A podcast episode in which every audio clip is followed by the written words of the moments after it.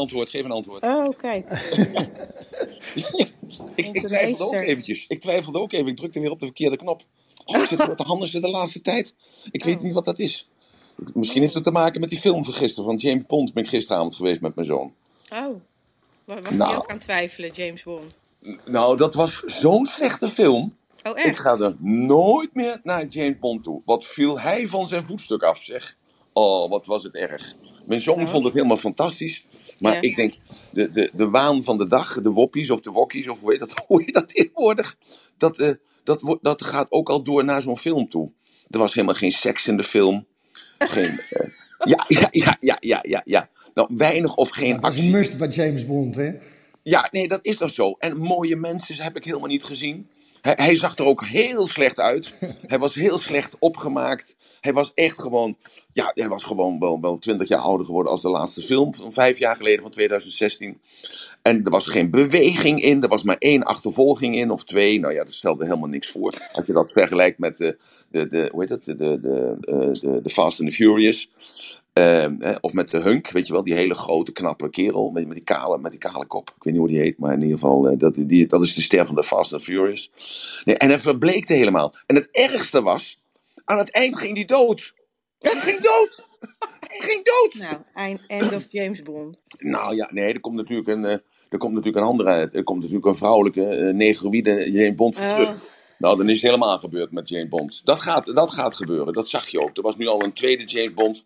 En dat was, ja nee, het, het was helemaal niets. Het was natuurlijk mijn verwachtingspatroon. Dus ik twijfelde ook niet toen ik er naartoe ging. Ik wist gewoon dat het een fantastische film zou worden. Nou, dus ik heb, moest gelijk gisteravond allerlei notities maken. Over dus de, dat je dan gaat twijfelen aan jezelf. Want iedereen vond het ademloos, vond het fantastisch. Mijn zoon die zat voor op het puntje van de stoel. En uh, toen dacht ik bij mezelf, toen ging ik twijfelen aan mezelf. Toen dacht ik bij mezelf, ja maar luister. Nee, en toen heb ik het even geanalyseerd voor mij op de, terug, op de terugreis. Heb ik het geanalyseerd. En toen dacht ik bij mezelf, nee. Het is gewoon een heel nieuw soort James Bond die uitgevonden werd door hem. Geen wonder dat hij er geen zin meer in had. Dus die 127 miljoen die hij ervoor krijgt, dat uh, het was belletjes. En uh, nee, het, het was niet naartoe gaan, jongens, niet naartoe gaan. Gewoon niet goed. Hmm. Dus niet twijfelen, niet twijfelen. hey Mirjam, wat fijn dat jij er bent vanochtend, op deze zondagmorgen. En fijn dat Rooster is en Ronder is en Mark Ja, ik heb even wat ondersteuning gevraagd, want het bleef zo lang eh, rustig hier in mijn upje boven. Oh god, ja. Dus eh, ik denk, eh, ik zat is- alleen maar tegen mezelf te kletsen, had ik het, had ik het gevoel. Nee, maar dat doe je hartstikke goed. Ik heb het niet gehoord, maar Betteke die had mijn telefoon eh, gepakt. Oh, Vanochtend ja. al vroeg. En die speelt hij dan mee. En die zet hem dan op. En dat, dat mag ze natuurlijk niet. Maar ja, ik ben eh, één ding. eh, ik twijfel altijd in mijn opvoedkunst. Want ik ben eh, niet consequent daarin. Dus dat is twijfelen. Ja, ja, ja, ja, ja. Ik hoor, ik hoor al de verstandige mensen al. Hoor ik al daarmee klikken. Zo, dus ik ben daar niet consequent in. Dus ik zeg elke keer dat het niet mag. Maar ja, ik vind het zo leuk dat ze hem al aan en uit kan zetten. En dat ze dus dat, die code al weet. Dat ze hem in kan drukken. En dan scrolt ze er doorheen. Maar ze heeft nog een beetje een kopje. Dus ze wil hem dan niet afgeven. En ja, dan zet alles door elkaar. Dus dat is de reden. Maar goed, geen excuus. We gaan het hebben over twijfelen. Dus ehm, twijfelen, wat eigenlijk heel normaal is trouwens. Dat eventjes eh, even helemaal eerst eventjes in een positief licht zetten, eh, Mirjam en Mark. Want twijfelen is heel goed. Hè? Dus daarom heb je ook het spreekwoord bij twijfel niet inhalen. Hè? Bij twijfel niet inhalen. Dus je zit achter een vrachtwagen. Je rijdt een bocht in, een, een, een binnenbocht in. En dan denk je bij jezelf, zal ik hem inhalen of niet inhalen? En je twijfelt, nou neem voor mij aan, niet inhalen als je geen overzicht hebt op de weg. En er zijn mensen die doen dat wel, even snel voor de bocht. En dan gaat degene die buiten in de buitenbocht rijdt, die gaat moment iets harder rijden. Dus haalt hem niet snel in. En dan op dat moment komt er een tegenligger aan, jij trapt op de rem, maar diegene in de buitenbocht trapt ook op de rem. Ja, dus, uh, dus dat moet je dus niet doen. Dus daarom is twijfelen is vaak ook een goede eigenschap. En om daarnaar te luisteren. He, maar die dualiteit zit in onszelf. Maar wacht eventjes, Mirjam, ik ben alweer van start, want ik ben zo enthousiast. Nee, ja, ik heb alles al genoemd in die tussentijd Oh, ja, dat jij afwezig Oh, was. Dus oké, maar oké, oké. verder. Ja, goed. Dus, dus eigenlijk is dat heel normaal. Dus dat is eventjes dat we dat even eerst, na- nadat we het negatieve licht gaan bekijken, moeten we eerst naar het positieve kijken, vind ik als het ware. Want hoe vaak twijfel jij niet aan je relatie? Of uh, je twijfelt, uh, je bent bij de mediamarkt geweest, je hebt uh, uiteindelijk een telefoon gekocht of je hebt die bij de Vodafone gekregen. En het is, je hebt gekozen voor een Android omdat een vriendinnetje die heeft of een vriendje die heeft of dat je daar betere foto's van kunt maken. Dus met die gedachte, met die focus ben je naar de, naar Vodafone gegaan of de tele, Telefort of hoe heet het allemaal. En je hebt zo'n ding gekregen, ja, aanbetaling van 40 euro en de rest betaal je dan af in vijf jaar of in drie jaar of in twee jaar, weet ik niet hoe het zit. Maar goed, in ieder geval. En dan heb je dat ding in de tas en dan denk je mezelf, heb ik daar wel goed aan gedaan. Want uh, moet ik nou uh, me helemaal zelf gaan omscholen van Apple naar Android? En als je dat ding dan uitgepakt hebt en je gaat ermee aan de slag, dan slaat de twijfel helemaal aan toe. Want dan uh, in één keer realiseer je van, ja, wat ben ik stom geweest. Ik had niet moeten luisteren, want hoeveel foto's maak ik eigenlijk op een dag? Ja, heel weinig. En dan heb ik alleen daardoor geluisterd om hem te kopen. Dus, dus daar twijfel je in. Nou, als het vast, als je dus die twijfel houdt natuurlijk gedurende de twee jaar daarna, ja, dat is natuurlijk uh, niet zo lekker. Maar daar moet je een knoop doorhakken, zoals ik al vaak zeg. Of bijvoorbeeld of je twijfelt of je wel van iemand houdt. Dat, dat heb ik ook, ook wel eens meegemaakt regelmatig. Dat ik dan denk bij mezelf, ja, houd ik wel van die persoon? Maar ik twijfel nooit aan de liefde van mijn kinderen, of voor mijn kinderen. Daar twijfel ik nooit aan. En, en hoe zij zich dan uiten, als dat dan een beetje onbenullig is, of het is onverwachts, of, of ze doen iets waarvan ik uh, niet verwacht had dat ze dat zouden doen, dan denk ik altijd bij mezelf, ach, dat is het karakter van hun moeder. Zo, dan uh, je twijfelt over de ander, met je als je zaken doet, of als je, hè, zoals Mark dat gisteren zei, van je verkoopt iets, je, hebt, je krijgt een handtekening, of je maakt een afspraak, en die ander die komt daarop terug. Zo, en dan, uh, dat kun je van tevoren zien, Mark. Maar dat zullen we er ook zo eventjes over hebben. En ook dat mag, want die ander die mag, mag ook twijfelen vanuit zichzelf. Dus een notoire twijfelaar, dat herken je door middel van de vragen die je mag stellen aan die, uh, aan die potentiële koper. Of dat je goed kijkt naar de dualiteit in zijn of in haar gezicht. Je twijfelt over je gezondheid, hè? daarom doe je ook allerlei tests. Ik las uh, vannacht nog even een test over DNA, dat die mevrouw klaagde dat die DNA-test niet goed was. Ja, wat verwacht je voor 289 euro? Verwacht je dan een uh, heel medisch rapport van allerlei doktoren of professoren. Want we weten allemaal, een DNA-onderzoek dat duurt uh, weken. Laat staan maanden. En dat moet onderzocht worden door allerlei typetjes. En die mevrouw die kreeg een halve pagina in de Volkskrant. Omdat ze zich beklaagde over het feit dat ze voor die 289 euro ja, uh, haar uh, genetische voorkeur voor borstkanker niet ontdekt had. Want er stond dat ze dat niet had. Nou, en dan denk ik bij mezelf, ja, dan zou je toch een gat in de lucht moeten springen als je dat voor 289 hoort, 89 euro hoort. Nee, zij twijfelde daaraan juist omdat het zo goedkoop was. Zo, dus uh, je twijfelt aan je, aan je geloof, hè? dat is ook heel, heel, heel iets, hè? Dus uh, twijfelt, uh, ja, is het nu wel goed? Is dat nou zo dat Jezus aan het kruis gestorven is voor mijn daden? Voor mijn zonden is hij gestorven. Want als dat zo is, ja, dan kan ik me aankloten. Want dan maakt het allemaal toch niks uit. Want dan is die beste man, die is al lang dood en die heeft daar dan gehangen. Maar je kunt je dat dan eigenlijk met goed verstand natuurlijk dan niet, uh, ja, kun je dat niet indenken. Zo. Dus met andere woorden, uh, ja, je, je denkt bij jezelf, ben ik er wel voor geschikt? Je doet iets en uh, het lukt niet de eerste keer of de 25ste keer. En dan denk je bij jezelf, ben ik daar niet voor geschikt? Dus je twijfelt aan jezelf. Ja, ben ik het wel waard? Hè? Ik hoor wel, wel eens mensen zeggen van, ik ben het niet waard. en dan, als ze dus dan de overtuiging gaan krijgen dat ze dus het wel waard zijn, omdat ze dus iets gezaaid hebben en dat ze dus iets terugkrijgen. Alleen, het is een, misschien een andere actie, maar het gaat om die intentie dan in dat proces om dat te leren dat je het wel waard bent, ja, dan komt toch steeds die twijfel van dat dat vroegere, hè, dus dat het niet waard vinden, wel heel veilig was. En dat je nu een andere weg ingeslagen bent. Dus die twijfel die hoort bij jou. En nou is er vandaag de dag de twijfel over de vaccinatie. Nou, je ziet dat iedereen uh, heeft al een stelling betrokken. Van iedereen die weet van die het gedaan heeft. Die denkt bij zichzelf, ja ik kan niet terug. Misschien hebben ze wel gelijk. Maar ik moet me niet gek laten maken. Maar, uh, en, en je hebt een hele grote groep die eerst twijfelde. Zal ik het wel doen, zal ik het niet doen. En die hebben ja, al de bevestigingen gezien. Want dat moeten we natuurlijk niet vergeten. Hè, want zo ontstaat het dus ook, die twijfel. Die hebben dus uh, bevestiging gehoord van het kleine zaadje wat ze bij zichzelf geplant hadden. Waarom ze dat niet moesten doen. En zijn alle redelijke, alle redelijke motivaties vergeten. om daardoor te luisteren naar die ander. Want ze zijn zo blij dat ze uit die twijfel zijn. En dat ze een stelling hebben betrokken. En dat is niet laten vaccineren. Of juist wel laten vaccineren. dus... Um, ja, dus ze zijn blij dat ze die twijfel niet meer hebben. Dus ze hebben die keus gemaakt. En die keus die blijft gewoon staan, wat er ook gebeurt. En je hebt ook hele mensen, dat zijn dan de twijfelaars, die, uh, die twijfelen over alles. Maar om te beginnen moet je begrijpen, dat is het belangrijkste eigenlijk, dat jij uit delen bestaat. Zo, dat, dat is belangrijk. Voordat we oplossingen hebben en voordat we het gaan hebben over de oorzaak van die twijfel, moeten we eerst beseffen van bestaan uit die delen. Hè? En dat, uh, ik herhaal dat nog een klein beetje. Hè? Dat is dus het, stukje hobbyist in jou. Je bent een vader of je bent een zoon of je bent een neef. Hè? Dat, zijn deeltjes in jou. Of je bent moeder, je bent nicht, of je bent tante, je bent oma. Dat is, zijn andere deeltjes in jou. Je bent kokkin, je bent hobbyist, je bent autochauffeur, je bent sporter, je bent uh, egoïstisch, je bent altruïstisch. Zo, dus al die delen zitten in jou. Dus welk deel in jou twijfelt nu? Zo, dus dat is al een van de oplossingen. Dus dat, ik heb het al gezegd. Dat is het lokaliseren. Het lokaliseren in welke context, dus in welke hoedanigheid, twijfel ik nou? Dus dat is al belangrijk. Dus dat kan met geld te maken hebben. En dat kun je terugchunken. Hè, dus naar die zeven grote pijlers van uh, de authenticiteit van de identiteit.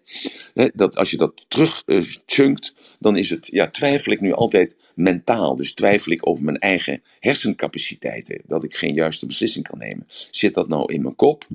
En uh, heeft dat nu met mijn persoon te maken? Of, of is het nou alleen maar dat het in mijn hoofd zit en dat het niets met de realiteit te maken heeft? Of is het een, een fysieke twijfel? Hè, van ja, die oren van mij die passen niet bij mijn gezicht. Of uh, ja, dat, dat been wat te kort is, dat ziet iedereen. En uh, daarom durf ik niet naar buiten toe. En daarom twijfel ik of ik nou wel of niet op de verjaardagsvisite ga. Of met, met geld, dat je ja, niet zo gewend bent om met geld om te gaan. Je moet je voorstellen, de huidige jeugd die groeit op met een plastic kaartje. En als je dat kind niet leert om ook handgeld te geven, dus dat hij dus gewoon ook een euro uit moet geven, hè, uit de cash uit de zak, of hij moet een, uh, gewoon een 25 of een 50 je geven, dan is dat geen probleem vandaag de dag, omdat er vandaag nog de keuze is tussen plastic geld en uh, gewoon fysiek geld. Maar het zou maar zomaar kunnen dat dat teruggedraaid wordt op de een of andere manier. Of dat het in zijn leven, als hij eh, een bepaald vak gaat doen, dan bijvoorbeeld hij is marktkoopman of zo, waar wel veel contant geld gaat worden, dat hij dan twijfelt van hoe moet dat nou? Moet ik dat nou opnieuw leren? Dus dat is weer die twijfel van zou ik dat kunnen leren? Dus, dus financieel, of is het spiritueel? Net wat ik voorbeeld wat ik gaf van uh, vroeger was het gewoon zo, je groeide op in een dorp of in een stad en je ging gewoon naar de kerk en er was maar één God en dat was die aan het kruis hing. Tenminste, dat was de zoon en dan de vader en de heilige geest. En daar groeide die mee op. En nu loop je langs de moskee. hoeveel vrouwen die ik ken, die moslima geworden zijn. nou, die zijn echt wel. Ik denk dat ik een stuk of, een stuk of twaalf vrouwen ken uit mijn directe omgeving die moslima geworden zijn. En die hebben er heel goed over nagedacht. Maar dat komt voort uit de twijfel dat ze niet kregen uh, in de katholieke kerk of de protestantse kerk wat ze eigenlijk verwachten zelf. En dat is het mooie aan deze tijd, dat je dus gewoon kunt, kunt veranderen. En hoeveel mensen van ons, hoeveel toehoorders, pakken nou niet denkbeelden op van het boeddhisme? Die denken, die geloven in, in reïncarnatie. Nou, dat staat dus wars op de, op de Bijbel. Want daar staat gewoon dat je naar de hemel gaat of naar de hel gaat. En uh, ja, dus dat, dat, daar ga je aan twijfelen. Dus je ruikt dan iets.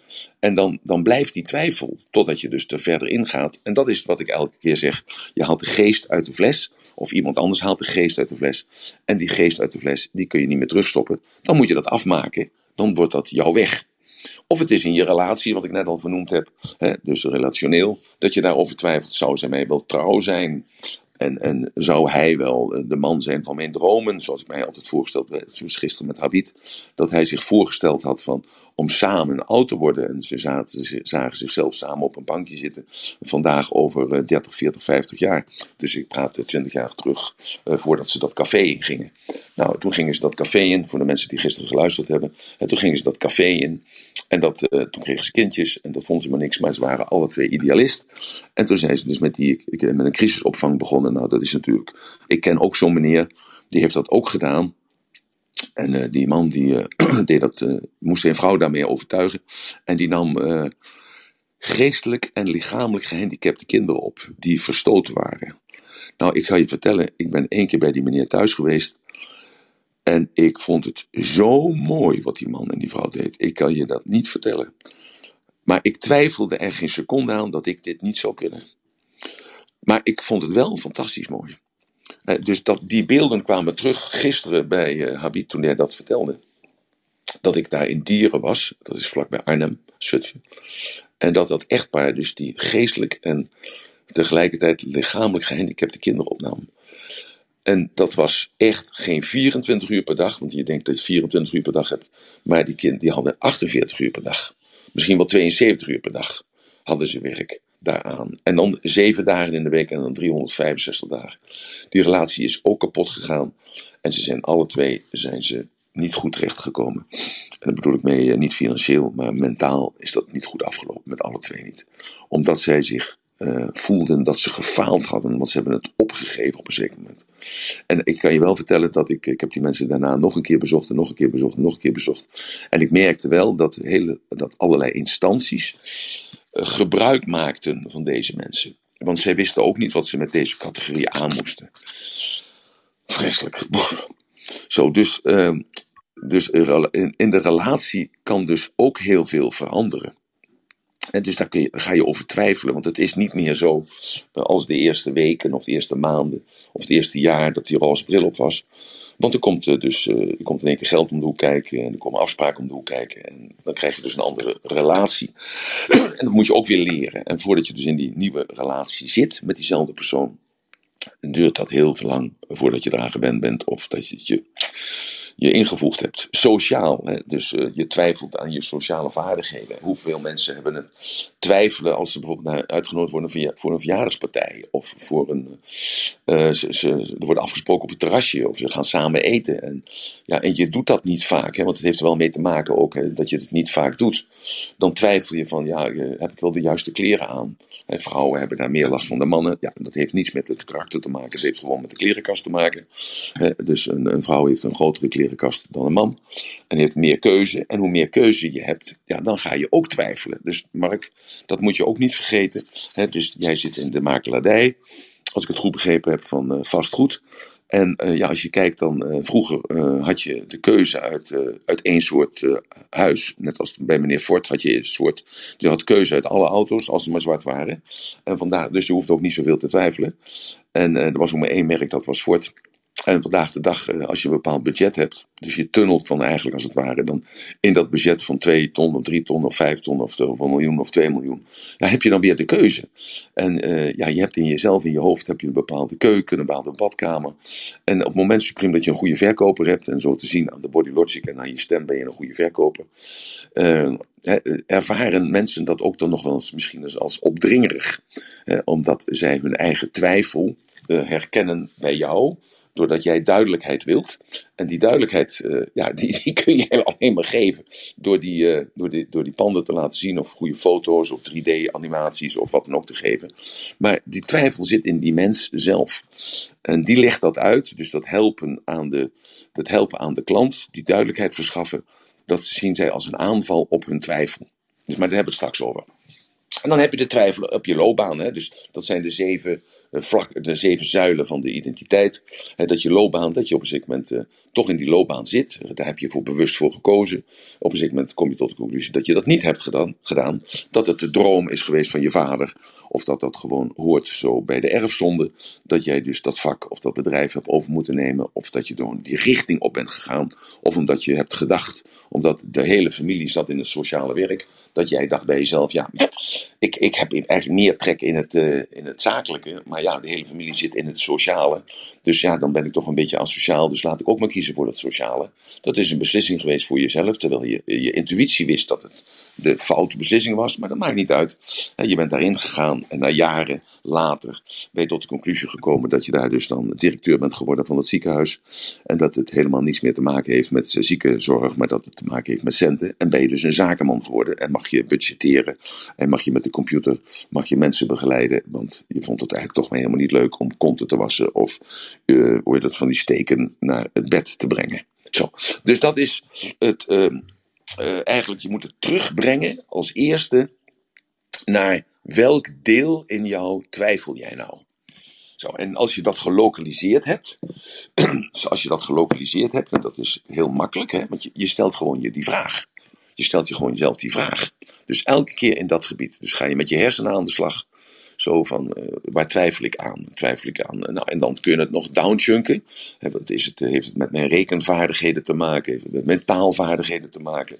Heeft het met mijn uh, submodaliteit te maken? Dus de, de nuanceverschillen in de modaliteiten, de zintuigelijke informatie, hè, die je jezelf voorspiegelt. Zo, en twijfel je daaraan of, of gaat dat eigenlijk best goed? Of zeg je tegen jezelf, ja, ik zit in een leerproces. En in dat leerproces mag je fouten maken. Nou, dan, dan twijfel je niet, dan zit je in een leerproces. Datzelfde is met het Je gaat naar de sportschool, je gaat eerst lekker op de cardioband. En uh, ja, na vijf minuten geef je al de geest, bij wijze van spreken. dan denk je bij jezelf, ja, maar ik kom hier om mijn spieren aan te spannen. En waarom moet ik nou op de cardio? Nou, dat twijfel je aan. En uh, op dat moment houdt ook de motivatie op om harder te lopen. En je stopt er gelijk mee. Nou, en als dan de instructeur zegt, nee, je moet eerst die 25 minuten hardlopen. Dan is je motivatie gelijk al gedaald tot minus 20%. Zo is het met geld hetzelfde laken en pak. dus je bent bezig met geld en je twijfelt met geld. Want je hebt het misschien niet geleerd om een planning te maken. Je hebt misschien niet geleerd om, eh, ja, om, om een bepaald bedrag voor jezelf te reserveren. Je hebt misschien niet geleerd om te denken aan morgen. Dat de morgen is dan vandaag over 30 eh, jaar. Dat is een jaar of 70, 75 bent. Dat je denkt dat je rustig aan gaat doen. Hè? Zoals ik dan ook altijd heb gedacht, eerlijk gezegd. Uh, en dan uh, blijkt dat niet zo te zijn. En uh, dan zit je lekker in de rush en dan ga je lekker door. Of het is dat spirituele dat je twijfelt. En of het is in de relatie dat je twijfelt van, ja, is zij het nou wel of is hij het nou wel? En een gezonde twijfel mag altijd, want daardoor word je weer kritisch. Daardoor ga je weer goed kijken. Als die twijfel maar niet bezit van jou neemt. Hè? Dus als die twijfel maar niet groter wordt dan dat jij bent. Dus daar hebben we het eigenlijk elke keer over. Dus het meesterschap. Dus dat datgene wat jou beperkt, dat dat niet groter wordt dan, uh, dan dat jij zelf bent. Want dan word jij die persoon. Dan word jij die twijfelaar. En als jij die twijfelaar wordt, ja, dan uh, zal ik je straks even de gevolgen vertellen. Wat je dan uh, over jezelf afroept. En dat is een bewuste keuze. En zeer zeker na vandaag is dat een bewuste keuze. Omdat je weet hoe het systeem werkt. Want er is een, een, een wet, een universele wet. zoals alles werkt. En dat is juist het mooie van het boeddhisme. Want in het boeddhisme herken jij jezelf, eh, omdat dat zo natuurlijk is. Het is natuurlijk zoals de regels zijn van het boeddhisme. Hm. Een slokje water nemen. En zo is het dus met het sociale ook. Hè? Dus als je altijd twijfelt van. Hè, ik heb het al eerder uitgelegd. Als je op dat terrasje zit. Ja, en je kwekt mee met je vriendinnen en met je vrienden. En hebt alleen maar kritiek en alleen maar. Uh, neerbuigend commentaar op iedereen die voorbij komt, ja, dan uh, twijfel je natuurlijk om zelf op te stappen en om afscheid te nemen, omdat je weet dat jij zelf aan de beurt bent dan op dat moment. Want jij weet dat al je vrienden en vriendinnen het dan over jou zullen gaan hebben als je wegloopt. Dus ja, dat, dat geeft dan ook twijfel. Dus, dus als je uh, het voor het goede, het positieve van mensen die om je heen zitten. En over je vrienden zelf en over de mensen die weggaan, over mensen die voorbij lopen. Dan zul je merken dat, dus dat uh, voor je werkt, want dat is karma. Wat je geeft, dat krijg je terug. Althans, dat herken je als zodanig. Daar hebben we het ook al een keer over gehad en daar willen we het nog wel een keer over hebben. dus dat is dat sociale effect, of het is de loopbaan. Dat je twijfelt van, ja, wil ik dit nou? Is dit mijn leven? En ik werk 40 uur in de week, dus ik stel me voor, we gaan 30 uur in de week werken. En daarom ben ik daar een tegenstander van, om minder te gaan werken. Omdat juist die twijfel dan toeneemt bij de mensen die toch al vonden dat ze niet op die plaats hoorden. Want als je iets doet met plezier en je doet iets met passie, je doet dus iets wat bij jou past. En dat heeft niks met leuk te maken, dan is die 40 uur is nog te kort. En dat mag ik toch rustig zeggen, dat mag ik toch dan eventjes die veer bij jou insteken, Mirjam. Hè? Uh, dat jij bent er zeven dagen in de week. En ik realiseer me dat elke dag. En dan ben je wel vaak op de achtergrond, maar dat maakt niet uit. Je bent er wel bij. En dat uh, waardeer ik gewoon bijzonder in jou. En dat vind ik gewoon hartstikke fantastisch. Want zelfs toen je op vakantie was, je zat op Ibiza en er zijn veel leukere dingen te doen dan in de room te zitten. Uh, heb ik toch nog vaak je stem gehoord. Links, rechts, achteraan, ergens. Je deed wel of je er niet was, maar je was er zeer zeker wel bij niet alleen met je, met, je met je hoofd, maar ook met je geest. Of als ik me vergis, mag je dat rustig even nu zeggen. Nee, ik ben er op vakantie. Alleen de dag na het event ben ik er geweest. Voor de rest ben ik er niet bij geweest. Hoor. Nou, ik heb wel een paar keer een eh, appje van je gelezen. Ja, een appje. Oh, wel. Ik, ja, ik was nee. wel in de. In de in, ik, ik leefde wel mee, laat ik het Ja, ja, goed, nou, dat is het dan toch. Dus Ja. dat kost geen moeite, dat, is, dat wil ik daarmee zeggen. Het kost geen moeite, je bent ermee bezig. En ik weet zeker, Mark, de verhalen die ik over jou gehoord heb van Maruska, die waren alleen maar lovend, wat voor een ideale vent jij bent. Dus ik was er echt best een beetje, een beetje jaloers op eigenlijk. Ik denk, nou, ik moet dus kennis maken met die vent en kijken wat ik van hem kan leren. Heb ik wel gehoord wat voor een fantastische makelaar jij bent. En ook een klein beetje over je leven, tot zover, hoe ver je gekomen bent. En waarom je dus hier terechtgekomen bent in dat eh, midden-Spanje. Zo. Dus met andere woorden, eh, Mark, ik denk dat jij ook eh, 24-7 bezig bent met je zaak. En met je bedrijf en met je klanten.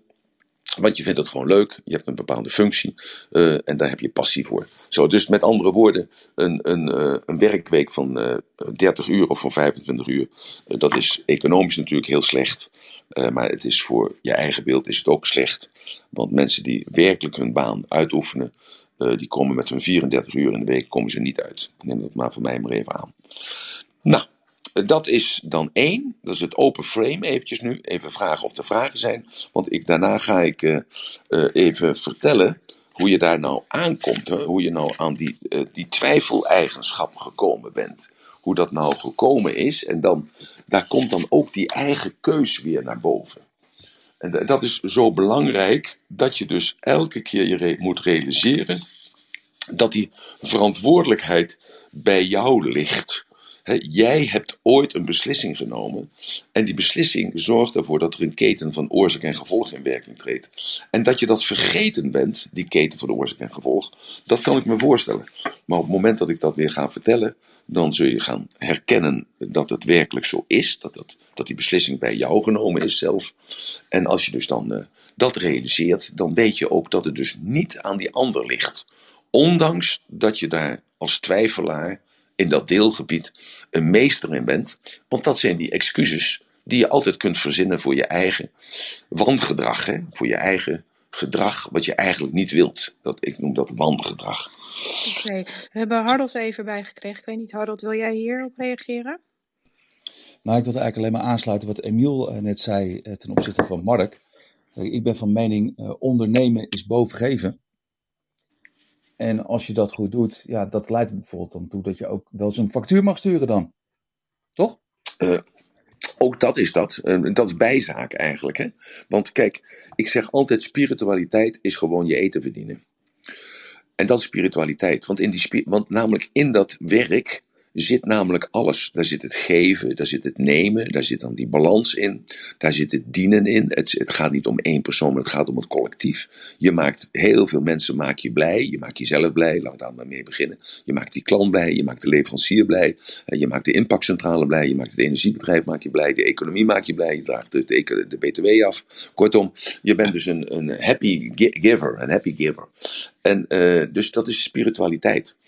Maar alles zit natuurlijk spiritueel. En als je dat alleen door die bril kan bekijken, dan, ja, dan, dan zijn zij gezegend eh, dat eh, zij die gekozen hebben voor iets waar zij eh, zichzelf in kunnen vinden, of juist zichzelf in kunnen verliezen. Wat is hetzelfde?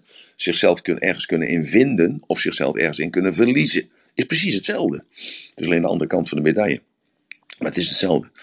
Dus eh, Harold, eh, kijk, ik hoor jou natuurlijk regelmatig. En dan denk ik bij mezelf, ja jongen, ben jij toch een fijne vent dat je daar bent. En je praat en je houdt die mensen bezig. En ja, je, eh, je, je- bent ook zakenman. Hè? En, maar waarom ben je zakenman geworden? Om geld te verdienen. Dat is nooit de reden. Je bent zakenman geworden om, omdat je wil dienen. Dat is, de, dat is de, altijd de reden van, van elke zakenman. Hij wil dienen. En dat dat dan naar buiten anders overkomt, dat, dat kan, maar dat is niet de werkelijkheid. Heb ik een beetje herhaald wat je gezegd hebt, Harold? Ik ben, ben er niet voor niks stil van. Oh, nou, oké, goed. Nee, eh, helemaal, helemaal met je eens, Emiel. Absoluut. En dat is uh, wederzijds. Nou, oh, dankjewel. Goed, dus, nou, dus zijn er vragen over, over net wat ik verteld heb? Dat twijfel eigenlijk het meest. Ja, je wordt er gek van. Hè, dus, uh, dus je wordt er echt gewoon zelf gek van. En de vraag is die je nu moet, zelf moet stellen: ja, wil ik gek worden? Gek worden. Want eh, ja, je, je wordt zo gedefocust door die twijfel. Gedefocust wil zeggen, je kunt niet meer bezig zijn met datgene wat je belangrijk vindt. Ja, dus je bent allemaal maar bijzaken bezig. En je laat je afleiden door allerlei idioten. En eh, die andere plannen hebben. En eh, ja, dan, je wordt alleen maar twijfelachtiger. Zo, en ja, zijn hier vragen over? Zijn er mensen die zich hierin herkennen? Of zijn er mensen die zich helemaal niet, absoluut niet herkennen? Het is natuurlijk even belangrijk op deze zondagmorgen. Het is ook een moment van contemplatie, een moment van overdenking op de zondagmorgen. Dat is dan, hè, dat is... eh, Oh, Mark, ja. Ja, ik, ik kwam eigenlijk op dit thema, eh Emiel, omdat ik eh, twee weken geleden verkocht ik een, een huis aan eh, Duitse klanten.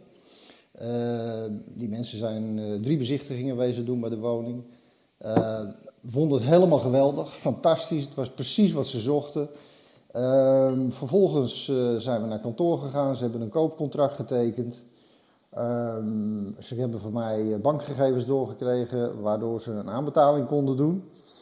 Eh, zo, heb ik, eh, zo heb ik ook een, eh, een mooie fles met cava meegegeven. Ze gingen het vieren s'avonds. Ze waren helemaal blij. Eh, en de volgende ochtend krijg ik een WhatsApp bericht. Ja, we zien er toch maar vanaf. ja, Want we willen toch iets dichter bij zee zitten. Nou, oké, ik zeg prima joh, dan gaan we voor jou een andere woning zoeken. We, we komen er wel uit. Ja. Nieuwe afspraak gemaakt. Vervolgens eh, met die mensen een aantal woningen bij de zee gaan kijken.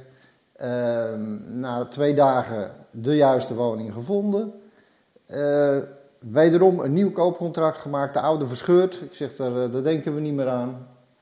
Ehm, nieuw koopcontract gemaakt. Twee dagen later zaten ze in Duitsland, ik een, een e-mail. Ja, we doen toch de, de banktransfer niet van de aanbetaling, want we zien er toch vanaf. Nou, heel apart allemaal. Eh, wat, gebeurt er? wat gebeurt er? Eh, drie weken later krijg ik een nieuw huis in dezelfde woonwijk in de verkoop waar ze de eerste gekocht hadden. Ja.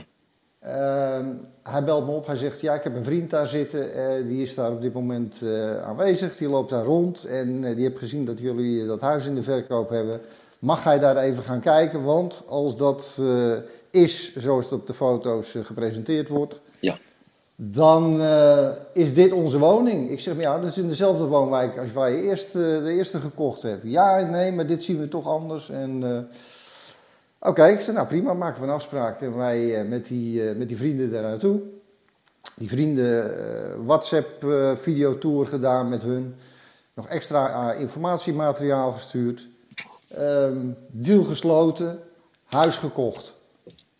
En doen nu ook de, de aanbetaling. Nou, Ja. dan begrijp ik er dus helemaal niks meer van. En dat is de reden waarom ik eh, kwam op het thema eh, twijfel. Het komt, dit is nu een voorbeeld, maar dit komt heel, eh, heel regelmatig voor. ja, nee, maar dat is toch inherent aan het makelaarschap? Ja, nee, absoluut. Maar ik vind, ja, bij mij is het altijd, het is zwart of wit. Ja, maar ja, je- dat is je, jou. Je koopt het of je koopt het niet. Eén van de twee. Nee, ik, ik ben ook zo snel door de bocht, ja, Ja. of nee. Ik heb wel eens verteld over mijn vriendje Joop. Eh, die, had de, die had de overtuiging, ik moet altijd eerst 24 uur wachten voordat ik een beslissing neem. Ja, Nou, dus eh, hij zou dan bij jou zijn geweest en zeggen, nou, dit bevalt me wel, dat, de keuken is goed. Nou, mama vindt het ook allemaal top. Nou, ik denk er even 24 uur over na. ja, Nou, het antwoord was altijd nee. ja. Want na Ja. 24 uur, kijk, dus hij twijfelde wel die 24 uur, maar hij durfde Mhm. ook geen nee te zeggen, direct ter plekke tegen jou. Ja, ja. Ja, ik weet het niet of dat het was. Want ze waren echt helemaal dol enthousiast de de allereerste keer. En de tweede keer precies hetzelfde. Allebei eh, helemaal door. eh, ze gingen s'avonds lekker uit eten. We gaan het vieren. En we Ja. vinden het helemaal geweldig. Ja, ja, als je twijfelt, dan doe je dat niet. Nee, dat, dat, dat, dat hoeft, nee, dat is niet zo. Je, je kunt er een nachtje over slapen en dan in één keer kun je de beesten over de weg zien kruipen. Ja, nou, dat, dat is het waarschijnlijk. En, Ja. en ik had gisteren, ik had gisteren en eergisteren ook zo, weer zo iemand. Ja, Overigens ook Duitsers. ja natuurlijk. Maar, nou ja, dit, dit waren naar Schwaben, die staan erom bekend. Ja, die zwaarden, ja. ja, ja. Ja, eh, maar eh, ja, eh, zullen we het nou wel doen? Of, ik zeg, nou, wat houd je tegen? Ja, eigenlijk niets. Ja. Ik zeg, nou, waarom doe je het dan niet? Ja, ik wil Ja. er toch nog een nachtje over slapen. Nou ja, oké, prima, geen enkel probleem. Ik ga niemand lopen pushen. hè. Nou, dat doe daar, je natuurlijk daar, wel. daar hou ik, daar hou ik, nee, dat doe ik niet. Maar ik zeg, dan slaap je er nog een nachtje over. En dan eh, laat je het me morgenochtend weten. Ja. Ik zeg, want eh, maandag hebben we weer een nieuwe bezichtiging bij hetzelfde woning. En, en Ja. weg is weg. Ja. Ja, nee, maar eh, ik laat je morgenochtend weten voor 9 uur. Nou, heb ik al wat gehoord? Nee, nog niet. Nee. Maar dat, vind Ja, dan maar zo, hoeveel mensen- dat vind ik dan zo wonderlijk. Ja, maar voor jou is een afspraak een afspraak. Ja, precies. Eh, en, maar voor heel veel mensen is dat niet zo. Nee. En dat wordt ook een beetje gefaciliteerd door de overheid. Want je hebt altijd bedenktijd als je iets koopt. Dat is eh, gelegaliseerd in Nederland althans. Ik weet niet, in Duitsland zal dat ook wel zo zijn. Dat als je een televisie koopt, dan mag je hem teruggeven binnen 48 uur geloof ik of zo. Of als je een koopovereenkomst hebt, ja, een koopovereenkomst met een huis, daar zit altijd vijf dagen, vijf werkdagen tussen. Dus ja, dat is hier niet. Ja, nee, maar ja, dat, dus daardoor de zwakheid, hè, ja, ik noem het dan maar de zwakheid van de geen beslissing durven nemen, wordt daardoor versterkt. Ik heb het zelf ook een keer mee meegemaakt, dezelfde soort situatie als jij. En eh, toen was het een, eh, het was een donderdag. En eh, die donderdag, ja, het was verkocht, er werd getekend. Het was vrijdag, het was zaterdag, het was zondag, het was maandag. Dus het was eh, eh, dinsdag geloof ik, ja, dat is de derde dag, ja, dinsdag. Dus ik, eh, ik trok de fles jenever open, ja, kletskoek natuurlijk, ik trok een, een fles water open. Ik denk bij mezelf, het is verkocht. En de volgende dag kreeg ik een brief dat ze er vanaf zagen. Want ik had gedacht dat het dagen waren, maar het waren werkdagen. Ja, goed, oké, dat kan. That's all in the game. Dus wat is de les? Ja, wat is de les? Nou ja, goed, de mensen gewoon in de waarde laten. Dat, eh, Ja, dat is het verhaal. dat de is mensen, ja, de mensen in het het. laten. Ja. Maar, maar mijn, mijn eh, vraag op het thema is: hoe komt het nou dat die mensen mm, zo gaan twijfelen? Omdat er iets is eh, wat hen aan het Wat twijfelen gaat er dan in hun hoofd om? Ja, dat is een submodaliteit. je, je ziet vandaag de dag in Nederland, ik, ik praat niet over Spanje. Ik heb je gisteravond nog nageroepen. Die, die, die vent die ik eh, toen de tijd in, eh, in jouw stad heb eh, zaken meegedaan, dat was Herzbergen. Herzbergen. Hmm, Was, een, een, was toen wel een hele grote makelaar, maar dat praat ik 15 jaar geleden. Eh, dus ja, wat, wat, wat, wat is het? Dit zijn de submodaliteiten. Dus daarom vandaag de dag worden er allerlei cursussen gegeven en zijn er ook allerlei dames en heren die zich verkopen aan makelaars om het huis opnieuw in te richten voordat de, koper, voordat de potentiële koper komt of voordat de verkoop eh, bezig gaat. En eh, dat moet ervoor zorgen dat, er, dat elk detail eh, niet duidelijk is. Dus niet, hoe noemen we dat nou? Niet uit het oog springt. Want als jij een fotootje laat staan van je opa, zou dat wel eens een dissonant kunnen zijn. Zou dat wel een negatieve trigger kunnen zijn voor die persoon die dat huis zou willen kopen. Uh, of als het niet netjes opgeruimd is, dan zou dat wel eens kunnen zijn dat die mensen daardoor in een slechte stemming komen. En daardoor dus dat huis afwijzen. Dat, dat, klopt, dat klopt helemaal wat je zegt. Maar dan ga je dat uh, weer proberen aan de verstand te brengen van een, uh, van een verkopende partij, dus de eigenaar. En die zegt: Ja, ho even, maar ik woon hier. Ja, nee, nee, dat, ik begrijp het wel. Wacht even, nee, maar dat is niet de discussie. De discussie is deze, of dat is geen discussie. Uh, dat is dus dat, dat vandaag de dag uh, alles wordt gedaan om, die, om, om het product klaar te maken, verkoop klaar. Zo, dus dat is in Nederland, is in Duitsland is dat ook zo. dus in grote objecten komt de binnenhuisarchitect er zelfs bij te passen. Die zegt, nou die kamer moet even anders ingedeeld worden. Want het moet, er moeten zo, we, zo weinig mogelijk negatieve ankers voorkomen worden. Dat is wat ik zeg. Ja. Zo, dus, dus daarom dat fotootje moet weg, dat, die spinnenbed moet aan de kant, het moet schoongemaakt worden. Dat heeft natuurlijk niks met de kwaliteit van het huis te maken. Alleen, er zijn mensen die zijn nu helemaal visueel ingesteld. Ik ben visueel, bijvoorbeeld heel, heel sterk visueel ingesteld. Dus ik kijk omheen. En ik, kijk om me heen en uh, klaar, oké, okay, uh, zoveel vierkante meter. Oké, wat moet kosten? Zoveel, dus zoveel de vierkante meter is me te duur, het is goed, het is redelijk of niet redelijk. Of ik doe een bod, punt. Maar ik heb er al, uh, ik misschien al 150 huizen gekocht en verkocht. Maar voor de meeste mensen is het het eerste huis wat ze kopen. Of misschien het tweede huis. Of het eerste huis wat buiten de deur is. Hè? Dus in het buitenland, zoals die Duitsers misschien. Ja, en dan gebeuren er andere dingen. Ze zijn dus helemaal, helemaal hoogjaugend. Om er maar eens even in de Duitse taal te blijven. En ze, zijn, ze gaan lekker eten en ze verheugen zich erop. En ze allemaal mooie dingen. En dan zegt mama in één keer. Ja, maar jij moet wel rekening mee houden dat ik de tuin niet ga doen. Ja. En dan denkt die vent in één keer denk bij zichzelf. Uh, ja, hoezo? Daar heb ik nog helemaal niet over, over nagedacht. Dus jij hebt ervoor gezorgd dat de tuin goed geplaveid was. Uh, uh, maar hij moest wel goed onderhouden worden, want er stond een heg. En in één keer begint moeder daarover te zeuren. En vader zegt, ja, maar daar heb ik helemaal geen trek in. En doordat hij dan in die negatieve loop getrokken wordt, want hij denkt bij zichzelf, hé, hey, we hebben lekker gegeten, we hebben een lekker huis gekocht. Dus vanavond, dan, uh, nou, je weet wat de vent allemaal wil. Jij en ik natuurlijk niet, hè. Maar normale kerels wel. Hè? Dus, en dan zegt die vrouw, ik heb geen zin in, want ik, ik, ik, ik, moet, ik, ik moet iets doen waar ik geen zin in heb. Nou ja, denk je dat de volgende dag, dat ze dan nog zeggen van, we nemen het huis af? Nee. Dus daarom is de vrouw is altijd bepalend. Toch al vaker gezegd. Ja, sowieso. Nou ja, dus sowieso. Nou, de vrouw is bepalend. Maar de, maar de meeste kerels denken dat zij het voor het zeggen hebben. Nou, dat is niet zo. Ik kan eh, 100%, 100% bevestigen dat als er een, een bezichtiging gedaan wordt en een vrouw vindt het niet mooi, dan wordt het niet gekocht. Er komen hier hele stoere kerels, zakenmensen met hele grote bedrijven. eh, en die komen met vrienden, komen ze dan de eerste keer hierheen. Dan gaan Ja. ze een aantal woningen bekijken en dan zeggen ze, ja, dit, zoiets moet het worden. Ja. En dan komen ze met de vrouw en eh, dan lopen ze eh, een meter achter hun vrouw. Dan zegt de vrouw, nee, dit gaat hem absoluut niet worden. Ja, maar ik ben hier eh, vorige week geweest met die en die en die. Ja, nee, maar dat maakt er niks uit. Dit wordt het gewoon niet. Nee. En, dan, en dan wordt het het ook gewoon niet. Nee, zo is Heel het. Ik heb. Ik heb zelfs het mooiste huis van Nederland, daar woonde ik. eh, in de jaren negentig woonde ik daar. Heb ik gekocht. Uiteindelijk had ik het gelukkig gekocht en eh, daar eh, tien jaar gewoond. En toen kreeg ik verkeringen met een vrouw. En ik ging trouwen met die vrouw. Met de voor, het, het, ze zei wel, we moeten uit dat huis. Dat was het, de bedinging. En dat was de voorwaarde. Dat was de voorwaarde, anders wilde ze niet in het huwelijk treden. Nou, dus ik heb het huis verkocht. Nou, ik heb er tot de dag van vandaag spijt van. Maar goed, dat is dus dan de spijt die je dan hebt. Ah, de kletskoek, ik ben er al verder, ik ben er al overheen. Maar eh, dat is, het is gewoon waar. Dus de vrouw die bepaalt dat. En daarom heb jij ook zo'n goede relatie met die Maroeska, een toppertje. en, eh, en kun jij lekker eh, je dingetje doen. Ja. En nou, het is belangrijk dat de vrouw ook weet dat zij de superieur is aan de man. En als de man dat ook nog eens weet, dan, dan zijn we er. Maar goed, dus oké, Mark, genoeg daarover. Oké. Wa- wat eh, zijn er nog vragen hierover? Want anders gaan we naar de oorzaken van de zelftwijfel. Dat is, eh, dat is even een, eh, een, een goede, denk ik. Om daarachter te komen dat dat ook een beslissing is geweest van jezelf. Zijn er geen vragen meer over datgene wat ik net verteld heb? Nee? Nee. Nou, dan gaan we terug naar de oorzaken. De oorzaken liggen eigenlijk altijd bij je ouders. Want je ouders, ja, dat zeggen altijd psychologen zeggen dat. Want die ouders, die hebben dus eh, nooit tegen jou gezegd dat je het goed doet. Die hebben jou nog nooit uitgedaagd om iets te doen. Die hebben jou altijd bekritiseerd in datgene wat je deed, dat je dat eh, niet goed deed. Daardoor ben je losgekomen van jezelf.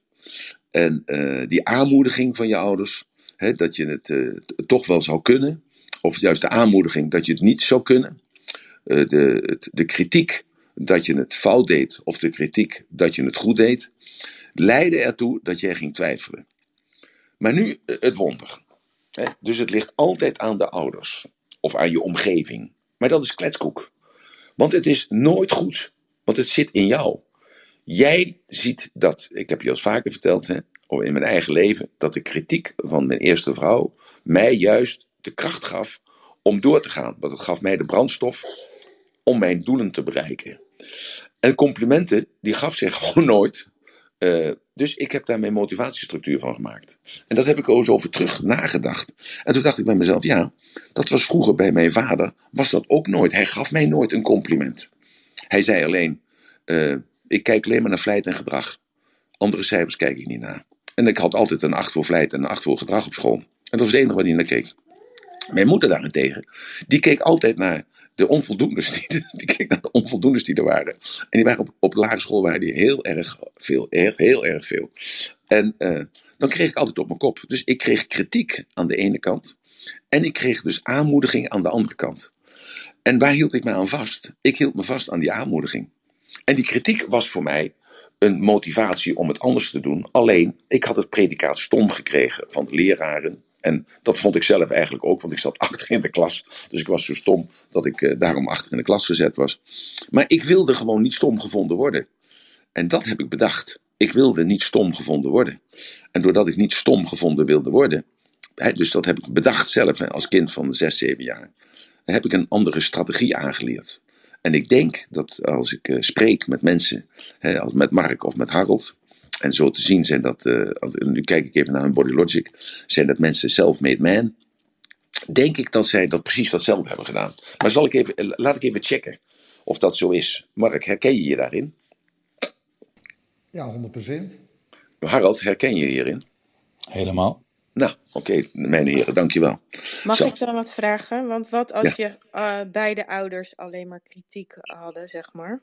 dat zegt ook niks. Het gaat om jou. Het is dus dat kleine wondertje wat het is. Dat is wie ben jij? Hè? Wie ben jij? Dus jij hebt die beslissing genomen van, dat, van die aanval. Heb jij genomen als ik word aangevallen, ik moet duiken.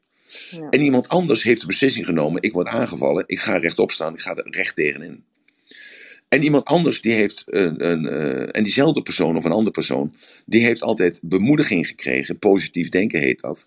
En wat zijn de nadelen van het positieve denken? Is dat je niet om weet te gaan met negativiteit. Zo, dus als het altijd goed is, eh, kinderen worden vandaag de dag met NLP opgegroeid.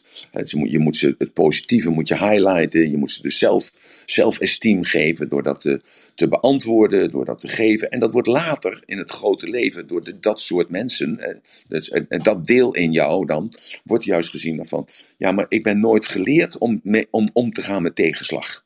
Dus ja, wat, wat hebben die ouders voor mij altijd gedaan? Ze hebben me altijd omhoog gehemeld en ze hebben me nooit, nooit in de hoek gezet waar de klappen vallen. Zo, dus je hebt het niet geleerd. Dus het is altijd de schuld van de ander. Nee, het is niet de schuld. Het heeft niets met schuld te maken. Dus deze eye-opener moet gewoon voor jou voldoende zijn om wakker te worden.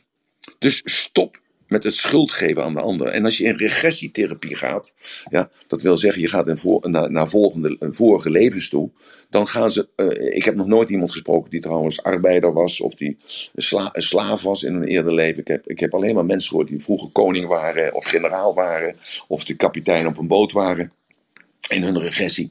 En dan wordt dan uitgezocht. Dus hoe dieper je graaft, hoe harder het gaat, gaat stinken. Je moet niet zoveel nadenken. Dus dat is eigenlijk een beetje wat eh, twijfelaars gemeenschappelijk hebben. Zij denken te veel na. Je moet een punt zetten. Daarom zeg ik elke keer: punt zetten, parkeren. Wegwezen. Natuurlijk heb ik verdriet dat ik mijn kinderen niet mag zien. Natuurlijk heb ik verdriet om Gita die dood is gegaan. Natuurlijk heb ik verdriet dat mijn vader er niet is. En dat ik als kind zijnde daar heb mee moeten, moet- moeten, over, eh, mee, mee, moeten leren omgaan. Natuurlijk heb ik verdriet dat mijn moeder eh, dement is geworden. En twijfel ik er wel eens aan. Ik denk bij mezelf, ja, als zij dement is geworden, dan zal ik dat ook wel. Want haar vader werd dat ook, zal het ook wel zo zijn. Natuurlijk twijfel ik eraan. Maar ik parkeer het. En ik doe er iets positiefs mee. Hè, want mijn moeder rookte drie pakjes per dag. Ondanks dat ze 87 jaar geworden is. En mijn opa die rookte al sigaren. Dus dat is een van mijn motivaties om niet te roken. Hè, mijn moeder die... eh, eh, nou, ik heb wel verteld van die schoenen. Dat heb ik de laatste keer verteld. Dat heb ik nooit begrepen. Nu ben ik ouder. Nu begrijp ik in één keer waarom ze niet meer op die door mij gehate slippertjes liep. Want ze kon gewoon niet meer op die pumps lopen. Dat kon niet meer.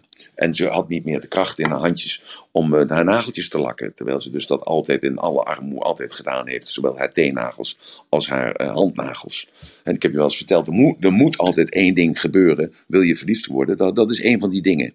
Als een vrouw mij benadert, of ik ontmoet een vrouw en haar nagels zijn afgekloven, dan is het gelijk al gebeurd. Maar heeft ze haar nageltjes netjes verzorgd en haar teentjes netjes verzorgd en open schoentjes aan, ja, dan, eh, begint mijn hart al te ra- rikketikken. Want een man is niets anders dan een grote jongen. Zo. En, de volwassen vrouwen, die weten dat. En die weten hoe ze daarmee om moeten gaan. Zo, dus ik, ik even terug, even naar dezezelfde psychoanalyse. Eh, even terug naar de twijfel. Dus jij hebt zelf dat zaadje geplant. Dat is de, da- daar gaat het om. En dan hoef je daar niet over te gaan twijfelen van, ja, is dat zo, is het niet zo? Nou, neem dat maar van mij aan. Jij hebt zelf die, dat zaadje geplant. En wat, hoe erg het ook is geweest wat je meegemaakt hebt. En we hebben daar de afgelopen keer in Elspet hebben we daar eh, drie voorbeelden van gehoord. Ja, nee, ho, ho, ho. Twee, één voorbeeld. Een vreselijk voorbeeld van gehoord van die mevrouw. Een andere mevrouw heeft ook verteld in wat voor situatie zij heeft gezeten. En er was een derde mevrouw, die heeft er alleen maar aan toegevoegd: Ik heb hetzelfde meegemaakt. Herinneren jullie je dat nog? Mirjam, jij was er niet meer. Maar de mensen die daarbij waren, die weten dat nog precies te herinneren. Die mevrouw die naar voren is gekomen, eh, dat was de mevrouw met de spin. Nee, nee, dat was nee, nee, nee, nee. Eh, ja, ja, toch. Die was eh, ook dus, ja, dat was de eerste mevrouw. Ik ga geen namen noemen. De tweede was met de slang, die door de zaal gelopen is met die slang op de rug. En de derde persoon die zat vooraan en die had ook dat, dat soort Duits-Slavisch accent. En, maar die was er heel anders mee omgegaan. Die had het dus weggedrukt. Zo, die had het een plaats gegeven. Dus, dus daar komt het vandaan. Het komt dus uiteindelijk vandaan van jouw interpretatie. Hoe jij bent omgegaan met die kritiek. En hoe jij bent omgegaan met de. eh, eh, je bent omgegaan met de kritiek en omgegaan met het compliment. Dat heeft dus met jou te maken. Dus dat moet duidelijk zijn. En als jij dus dan kunt geloven dat jij die beslissing hebt genomen ergens on the way. Jij hebt die beslissing ergens genomen on the way. Herinner je nog die rits? De focus. Hè? Dus de focus bepaalt het denken, het denken bepaalt het humeur, het humeur bepaalt het gedrag. En het gedrag heb jij geëtiketteerd. Geëtiketteerd met positief? Met, met plezier, of met negativiteit, met pijn. En je doet alles om die pijn te voorkomen en je doet alles om dat plezier te krijgen. Nou, dus dat moment in jouw leven wat gebeurd is, dat je kritiek krijgt, heb jij geëtiketteerd met pijn of met plezier. En als dat met pijn is geweest, zul je dat proberen te vermijden. En als je het met plezier hebt geëtiketteerd, dan zul je dus het positieve er ook uithalen. Want dan vind je het leuk om kritiek te krijgen. Want je weet dat het leven een leerproces is. Dus dat heb je opgepakt in de metaforen die voorbij zijn gekomen. Opgepakt bijvoorbeeld uit het sprookje wat verteld is. Opgepakt uit het boekje wat je is voorgelezen. Opgepakt uit het voorbeeld wat andere mensen jou gegeven hebben als klein kind. Zo, dat heb je opgepakt. En als het tegenovergestelde is geweest, hè, dat je dus het, het opgeslagen hebt als pijn, dan probeer dat in alle tijden te vermijden. Hè, en probeer dus het anders te doen. En dan is het ook een leerproces. Dus het maakt niet uit of het pijn of plezier is. Het is beide een leerproces, maar het is beide een moment.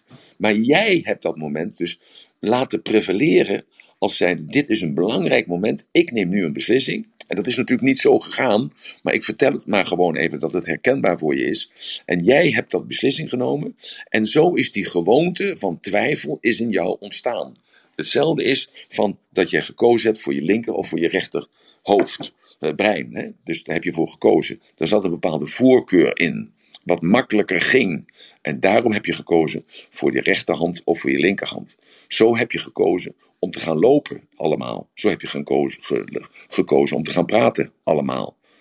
En dat heb je wel, in dat kader heb je dat wel genoeg gezien en meegemaakt en geïnterpreteerd, dat die kritiek die men had op jou, dat dat geen, geen nut op jou had. Want je bent gewoon doorgegaan, want iedereen die sprak. En je wilde gewoon deel maken van de kudde. Dus dat collectieve gevoel is groter dan dat individuele gevoel. Ik hoop dat iedereen dat snapt, wat ik daarmee zeg. En ook de onderliggende laag daarmee pakt. Zo, dus jij hebt die beslissing genomen. En zo is die gewoonte ontstaan. De gewoonte is dus dat je dus gewoon dus bent gaan twijfelen of niet bent gaan twijfelen. Jezelf bent gaan beoordelen en dat hebt gezien als dit is goed en dat is fout. Want dat is eigenlijk twijfelen. Dat is juist het, het, oordelen over jezelf. Maar de twijfel eraan is van ja, wat is het nu eigenlijk? Zo, dat heb jij dus bepaald. En daardoor ben je in die keten van oorzaak en gevolg terechtgekomen. In die vicieuze cirkel die negatief of positief is. En dat is dat karakter geworden dat jij in dat deelgebied nog steeds twijfelt, naar aanleiding van de kritiek of naar aanleiding van het compliment, en nog steeds uh, dat doet, die twijfel hebt. Dus met andere woorden, het is ergens een denkfout geweest. Ik noem het een denkfout. En dat die denkfout op onbewust niveau heeft plaatsgevonden, dat zal wel zo zijn want 98% van ons denken vindt plaats op onbewust niveau, zonder dat we daarbij zijn om dat te reguleren, zonder dat we daarbij zijn om het te sturen. Maar nu kun je dat moment terughalen. Nu kun je dat moment terughalen, want de meeste mensen weten zelfs ook wanneer dat moment was. dat, dat weet jij, dat weet je gewoon. En dat weten is ook voelen, want voelen is weten. En dat is dat voorbeeld met die rijsttafel. Jij eet bij mij een rijsttafel, je ligt s'avonds op je bed en je moet kotsen. En je belt mij op en je zegt: De rijsttafel, ik ben misselijk geworden van de rijsttafel. En dan vraag ik aan jou: Was het de babikatjep? Babikatjap? Nee. Was het de atja? Nee. Was het de gadu? Nee. Was het de kroepoek? Nee. Was het de nasi? Nee. Was het de ayamsmoor? En je lichaam moet kotsen op dat moment. Want het lichaam liegt nooit. Het ligt dus bij jou. En niet twijfelen, maar gewoon erin gaan. Want dat is namelijk het punt. Als je twijfelt, dan ga je de confrontatie niet aan. Want je maakt een afweging van belangen. En je kunt niet altijd een afweging van belangen maken. Dat kan niet, want er is meer tussen hemel en aarde wat jou stuurt. Het enige wat ik je vertel zijn metaforen. En jij moet die metafoor pakken en jij moet die metafoor veranderen als het jou niet bevalt in welke metafoor jij leeft. Jij moet die veranderen. En jij moet dat moment veranderen dat jouw vader of jouw moeder, of die leraar, of die buurvrouw, of die buurjongen, of de dominee, of dat televisieprogramma, of dat sprookje, of wat dan ook, alleen maar de intentie had om jou de keus te geven. Om jou de keus te geven. En nou dan je verstand gekregen hebt, kom je tot de conclusie door zelfonderzoek en door zelfkennis dat jij de verkeerde keus hebt gemaakt. En als jij de verkeerde keus hebt gemaakt, kom je tot de conclusie dat er geen verkeerde keus bestaat. Want het is jouw weg. Het was jouw weg, het is jouw weg. En jij neemt nu de beslissing, nadat jij hebt geëvalueerd hoe fantastisch weg mens jij geworden bent door die zogenaamde fout. Want er bestaan geen fouten. Je hebt een gewone, een verkeerde miscalculatie gemaakt. Je hebt een verkeerde keuze gemaakt. Dat was niet fout, want daardoor heb je tot nu toe een fantastisch leven geleid. Maar nu neem jij de beslissing om deze te veranderen. En luister je naar de vijf, zes redenen waar hoe je dat kunt veranderen, zodat je je leven zelf op de rit krijgt. En dat je niet meer hoeft te twijfelen, alleen maar twijfelt als het jou uitkomt. Want twijfelen kan ook jou uitkomen. Want twijfelen kan ook heel gezond zijn. Maar het moet niet zo zijn dat de twijfel groter wordt dan dat jij bent. Ja. Um, is het duidelijk. Mirjam? Is het duidelijk? Ja, ja, ja, zeker. Zeker, zeker. Zijn er vragen over? Want de gevolgen zijn desastreus. De, des, ik kan het woord niet uitspreken. Desastreus. Desastreus, ja, desastreus. ik twijfel, ik twijfel hè, dat vaak omdat ik een gebrek aan opleiding heb. Dat dan twijfel ik, hè. Dan denk ik, ik kan dat woord niet uitspreken. Maar ik heb daar dus geleerd door om daar altijd omheen te praten. Dus niet omheen te praten, maar dan, dan, dan zeg ik twijfelachtig, hè. desastreus. Dus ik kan het woord niet uitspreken. Desastreus. Desastreus. nou, zo. Dus maar ik zeg dan tegen mezelf, ja, dat is gebrek aan opleiding Waterland. Dus oké. Dus nee, ja, nee. Dat is een rechtvaardiging ja, maar, ik kan, maar ik kan ook aan mezelf gaan zeggen van, ja, je hebt zo weinig opleiding gehad, ja, geen wonder dat je dat niet kan. En als je dat niet kan, dan kun je ook niet rekenen. Als je niet kan rekenen, dan kun je niet verkopen. En als je ook kun je ook niet inkopen. En dan rappert, daar gaan we gaan. Want de gevolgen namelijk zijn dat als je dus in die twijfel blijft bestaan, dan kom je dus in de depressie terecht. Hè? Want je, ik heb het net gezegd, hè, je wordt er dus helemaal hartstikke gek van. Je wordt er gewoon helemaal hartstikke gek van. Want je neemt namelijk nooit een beslissing. En als jij er niet gek van wordt, dan wordt de ander er wel gek van. Want die Joop, die twijfelde dus altijd. En die nam nooit die beslissing. Die moest er 24 uur over, over doen. Toen ik dat nog niet wist, ging ik dus met hem mee om die auto te kopen. Ja, en we gingen naar de Ferrari dealer. En, nou, we hebben dus, en hij wilde een achtcilinder hebben, en hij wilde een twaalfcilinder hebben. En hij wilde ook van een zescilinder hebben. Ja, dan moet je natuurlijk niet bij Ferrari zijn. Ja, maar waarom wil je dan een Ferrari hebben? Ja, lijkt me zo leuk en dit en dat en zo en zo. We zijn dus gewoon de hele dag bezig geweest om onder die motorkap te zitten, om te ruiken aan het leer, om te kijken naar die metertjes, om de, dus de, de werkplaats te gaan. Op de smeerput moest want die moest hem aan de onderkant bekijken. Een, een proefrit gemaakt met een, uh, weet ik veel wat, met drie, vier verschillende soorten types. En ik had gewoon te doen met die verkoper. Ik had gewoon te doen met die verkoper. Maar Joop was een succesvolle zakenman. En uh, ik wil er nog een keer over, over uitbreiden waarom hij een succesvolle zakenman was. maar dat is even een ander verhaal. En uh, dus hij zegt, uh, Emel, ik denk er nog een nachtje over na. Nou, nou uh, dus Mark, hij dacht er een nachtje over na. En de volgende morgen, hij belde niet. Dus ik kan bellen natuurlijk. Ik zeg, en welke is het geworden? Is die Testarossa geworden? Want we passen er alle twee fantastisch in. En ik heb er ook een. Dus dan kunnen we met z'n tweeën rijden. Als je maar geen rode koopt, want ik heb een rode Testarossa. Neem jij dan een gele Testarossa? Had ik al tegen hem gezegd. Hij zegt, luister, ik heb erover nagedacht. En uh, ik koop hem niet. Want mijn uh, golfje die rijdt nog best zat. Ik zei, ja, maar je wilt toch een auto hebben gewoon daarnaast? Hij zegt, ja, maar kan, met mijn golf kan ik ook daarnaast toch uh, lekker gaan eten. Ja, ik zeg, maar je wilt toch een relatie hebben? Met zo'n Ferrari is het toch veel leuker om samen op vakantie te gaan met haar. Nee, dat heb ik niet nodig, want als ze valt op mijn auto, dan uh, valt ze niet op mijn hartje. Ik zeg, daar gaat het toch niet om? Je hebt toch de centen? Jawel, ik heb de centen liggen. Maar goed, ik kan ook bewaren tot ik dood ben, dan kunnen mijn kinderen ervan genieten. Ik zeg, ja, ik zeg, leef nou nu. Nou, bam, bam, bam, bam, bam. Hij besloot het niet te doen. Nou, en toen een, een aantal maanden later belde hij, toen wilde hij een, eh, een, een Rolex kopen. Ik zeg, ja, wat voor Rolex wil je dan kopen? Ja, een Daytona. Ik zeg, nou, ik zeg ja, een een, gewoon een witte of een bruine of een, een zilveren of een goud met zilver of een roestvrij staal met zilver of een gele. ja, dat weet ik nog niet. Maar ga je even mee naar een schaapcitroen? Ik zeg, nou, ik ga mee. Nou, dus wij een schaapcitroen. Nou, dus al die Daytona's. Ik weet niet of jullie weten wat een Daytona Rolex is, maar dat is een hele dure klok. De goedkoopste kost 38.000 euro toen de tijd en de duurste kost iets van 150.000 euro.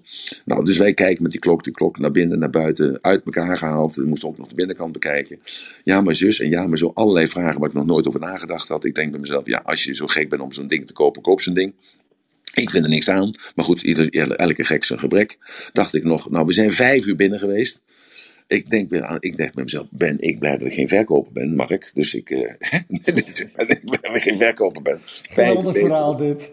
Ja, een ander verhaal. Nou goed, ja. Zo, dus hij zegt, eh, en toen, toen legde hij dus, uiteindelijk legde hij dus de duurste van 138.000 euro legde hij neer. Hij zegt, nou, ik denk dat dit het wordt.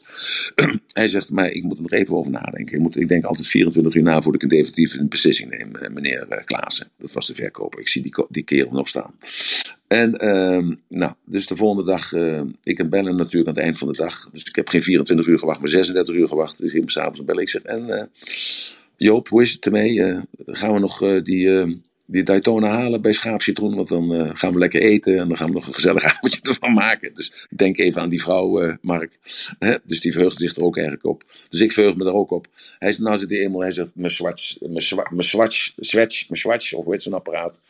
Die doet het nog goed zat. Ik hoef het eigenlijk niet te hebben, want het is alleen maar uiterlijk vertoon. Ik wil eigenlijk maar meer zijn dan dat ik eigenlijk ben. Ik zeg, je kunt hem toch betalen? Hij zegt, ja, ik kan er wel tien kopen. Ik zeg, dat weet ik. Ik zeg, maar waarom koop je hem dan niet? Ik zeg, je kunt jezelf toch een keer verwennen.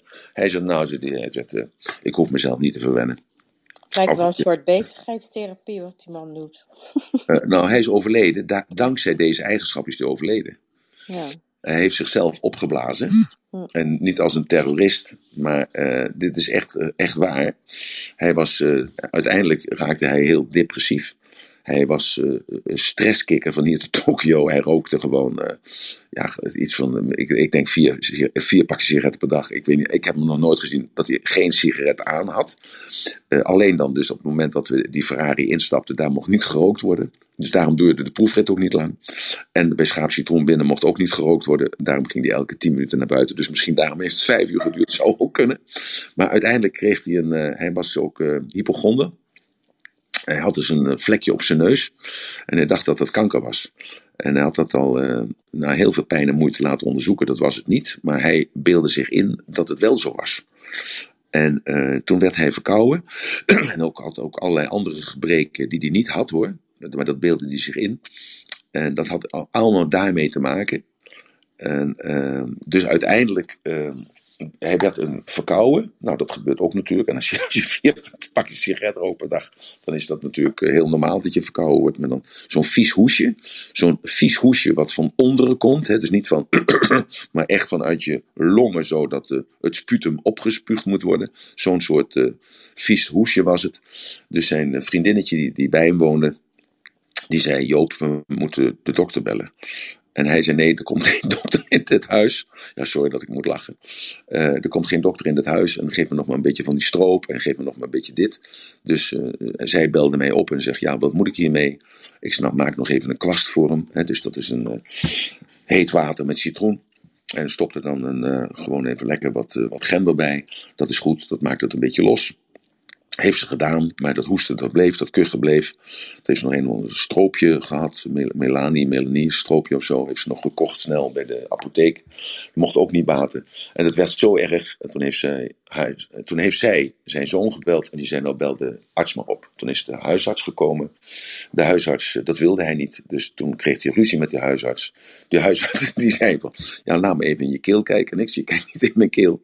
Nou, toen moest hij in één keer zoveel hoesten en kotsen dat die arts onder de, het bloed en het eh, sputum zat. Dus die arts zei, je moet opgenomen worden. Nou, toen begon hij te schreeuwen tussen het eh, kotsen door en het schreeuwen. Begon hij te, eh, te schreeuwen dat hij dat niet wilde. Maar ja, goed, de arts heeft natuurlijk de eed van de Hippocrates onderschreven. Dus hij moet altijd alles doen om de patiënt beter te maken. Dus bestelde de ambulance. De ambulance kwam. En toen was hij dus zo opgefokt dat hij niet mee wilde. Hij werd dus uiteindelijk vastgebonden aan de brancard. Maar hij, die brancard die bleef niet stilstaan. Die begon als het ware te lopen door zijn geschut en zo, door zijn verzet.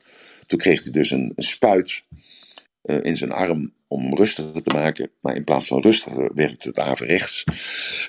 en was in Breukelen. Hij moest naar Utrecht toe. Dus dat is een kwartiertje rijden, denk ik, of tien minuten rijden. Hij kwam in eh, Utrecht aan. En zijn hart was gestopt. En toen hebben ze hem opengesneden bij de autopsie. Om te kijken wat er nou precies gebeurd was. En hij had dus zijn hart opgeblazen door de opwinding en door de stress. Dus eh, lekker eh, blijven twijfelen, jongens. Eh, lekker blijven twijfelen, jongens. Oké. Je- We, hebben wat mensen erbij gekregen. Ja, nee, nee, ik wil, ja, ik wil Oh. toch even zeggen wat de gevolgen zijn. Dan, dan heb je eh, dat men eh, die twijfelt, eh, die een obsessie hebben van twijfelen, dus weten van, eh, van deze, eh, deze gevolgen, dus eh, stress en burn-out, tot de dood erop volgt op een vreselijke manier. Je hebt schaamte en schuldgevoelens, hè? dus je, je voelt je minderwaardig, eh, je vindt jezelf niks waard, daardoor krijg je faalangst. Door die faalangst eh, word je eenzaam. hè. Alleen zijn is niet erg, maar eenzaam zijn is vreselijk. Dus, eh, en we hebben allemaal momentjes dat we eenzaam zijn. Maar als je altijd eenzaam bent, dat je behoefte hebt aan liefde of een aanraking, maar je bent eenzaam, je kunt die connectie niet maken. Fysiek kun je die connectie niet maken, omdat je tegen jezelf zegt van, ja maar luister, ik ben het niet waard. En ik, eh, ja, ik, eh, wat, wat zal die ander wel niet van mij denken? Hè? De- Want je ziet geen middenweg. Hè? Je, je ziet niet dat het een leerproces zou kunnen zijn. Het is, ja, een, fout maken is geen optie. Je krijgt relatieproblemen, niet alleen met je partner, maar ook met je kinderen. Met de problemen met je, je ouders en dergelijke. Nou ja, en dan komt de volgende stap. Dan, is het, dan, eh, dan krijg je dus die angststoornissen, die eh, fobieën, straatvrees, eh hypochonder, enzovoort, enzovoort. En ga je de verkeerde dingen eten. Je gaat, eh, ja, op die tijd ben je natuurlijk al lang anders gaan bewegen. Dus je vergiftigt je eigen lichaam eigenlijk als het ware. Door die twijfel, want je moet elke keer naar adem happen. En dat naar adem happen, dat zie je heel veel bij dat soort mensen. Dat eh, verraadt dus dat ze een tekort aan zuurstof hebben. En dat lichaam geeft dat al aan. En daarom happen zij naar adem. En op het moment dat ze denken van, nou ik heb genoeg adem weer gehapt. Dan gaan ze weer terug naar hun oude systeem. En dat is dan dat ze te weinig zuurstof binnenkrijgen. Totdat er een moment komt dat er zo weinig zuurstof is. Dat de cellen eh, zeggen van nou zoek jij het maar zelf maar uit. Goed, er waren vragen. En er waren mensen op het podium gekomen. Sorry voor mijn lange uitweiding in deze. Maar ik denk wel dat het belangrijk is. Yes. Ja, zeker. Ehm, Marjolein, wil jij iets toevoegen of delen of zeggen? Marjolein? Ja. Oeh, ja, ik zit even te luisteren. Ik vind het heel lastig om iets toe te voegen. Ehm, ik hoor twijfel. Ehm, ik, hoor ik had gisteren een enorme twijfel over mezelf. Ik kon mezelf voor mijn kop slaan. Voor het eerst in 15 jaar was ik een belangrijke zakelijke meeting vergeten. Een feestje, een afscheid van iets. En ik was in Zwitserland en ik had het niet genoteerd. Nou ja, ik, ik voel, het voelde echt een stomp in mijn maag. Dus ik heb gelijk ook eh, geen excuses gebruikt. Ik heb ook gelijk gezegd, zo stom. Ik voel me zo stom. Ja. En mijn excuses. Ja. Ja, Nou, dat is toch goed toch? ja maar daar is Dus, nog eh, niet op gereageerd. En dat is dan wel, dat, dat, dat ja. Ja, dat, dat is dan in jouw hoofd, hè? Dat, dat, dat, Ja. Maar dat ligt nu bij de ander. Hè? Maar je moet even checken of de mail aangekomen is, of de app aangekomen is, of dat die geopend is. Of, eh, dat moet je dan even checken. Ik heb dat ook regelmatig, dat ik denk bij mezelf van, eh, die mail is niet doorgekomen. Want ik krijg geen reactie. En dan, dan bel ik vaak even. Is die mail aangekomen? Ja, die mail is aangekomen. Oké, dan is het goed. Denk maar even over na. Zo, dus, eh, ja, dus dat mag en dat kan en dat is goed. Dus een fantastisch leerproces, Marjolein, toch? Ja, maar ik, oh, ik had echt het gevoel of ik weer eh, zeven was. En dat heb ik echt een jaren niet gehad. Dat ik denk, wow. Nou, lekker. Ja, Je heel zijn. vervelend. En, en ik, ik, ik besef me dan op dat moment ook dat ik geen excuses ga gebruiken. Ik was op dat moment onderweg naar Zwitserland. Had mijn agenda niet bij de hand. Ben een beetje digitaal aan het gaan. Ja. Eh, heb op dat moment was ik met iets anders bezig. Dus dat heb ik niet als excuus gebruikt. Dus dat vond ik al heel wat. Ehm, het Je moet er- stom. Nee, je moet gewoon zeggen hoe het is. Dus nooit, no- no- nooit excuses gebruiken. Gewoon, Nee, het is jouw gedaan. verantwoordelijkheid. Ja. En eh, jouw fout bij deze. Hè? Altijd. altijd, niet altijd. Ja, altijd. Het is jouw fout. En eh, ja, dus dat moet je de verantwoordelijkheid voor nemen. Nou, dus ik, ik zie dat, de twijfel er niet in, Marjolein. Want ik vind dat je dat krachtig opgetreden hebt. En ook eh, realistisch, eerlijk naar jezelf toe. Dus ehm, complimenten daarvoor. Dankjewel. Alleen dan denk ik wel, ik had het nou net bij deze mensen niet moeten doen. Want die zijn nogal belangrijk en eh, best wel eh, ook invloedrijk. Ik denk, oh, waarom... Het heeft er niets mee te maken of die mensen invloedrijk zijn. Het heeft niets te maken met mensen of die mensen belangrijk zijn. Want elk mens is belangrijk, elk mens is invloedrijk. Iedereen is gelijk.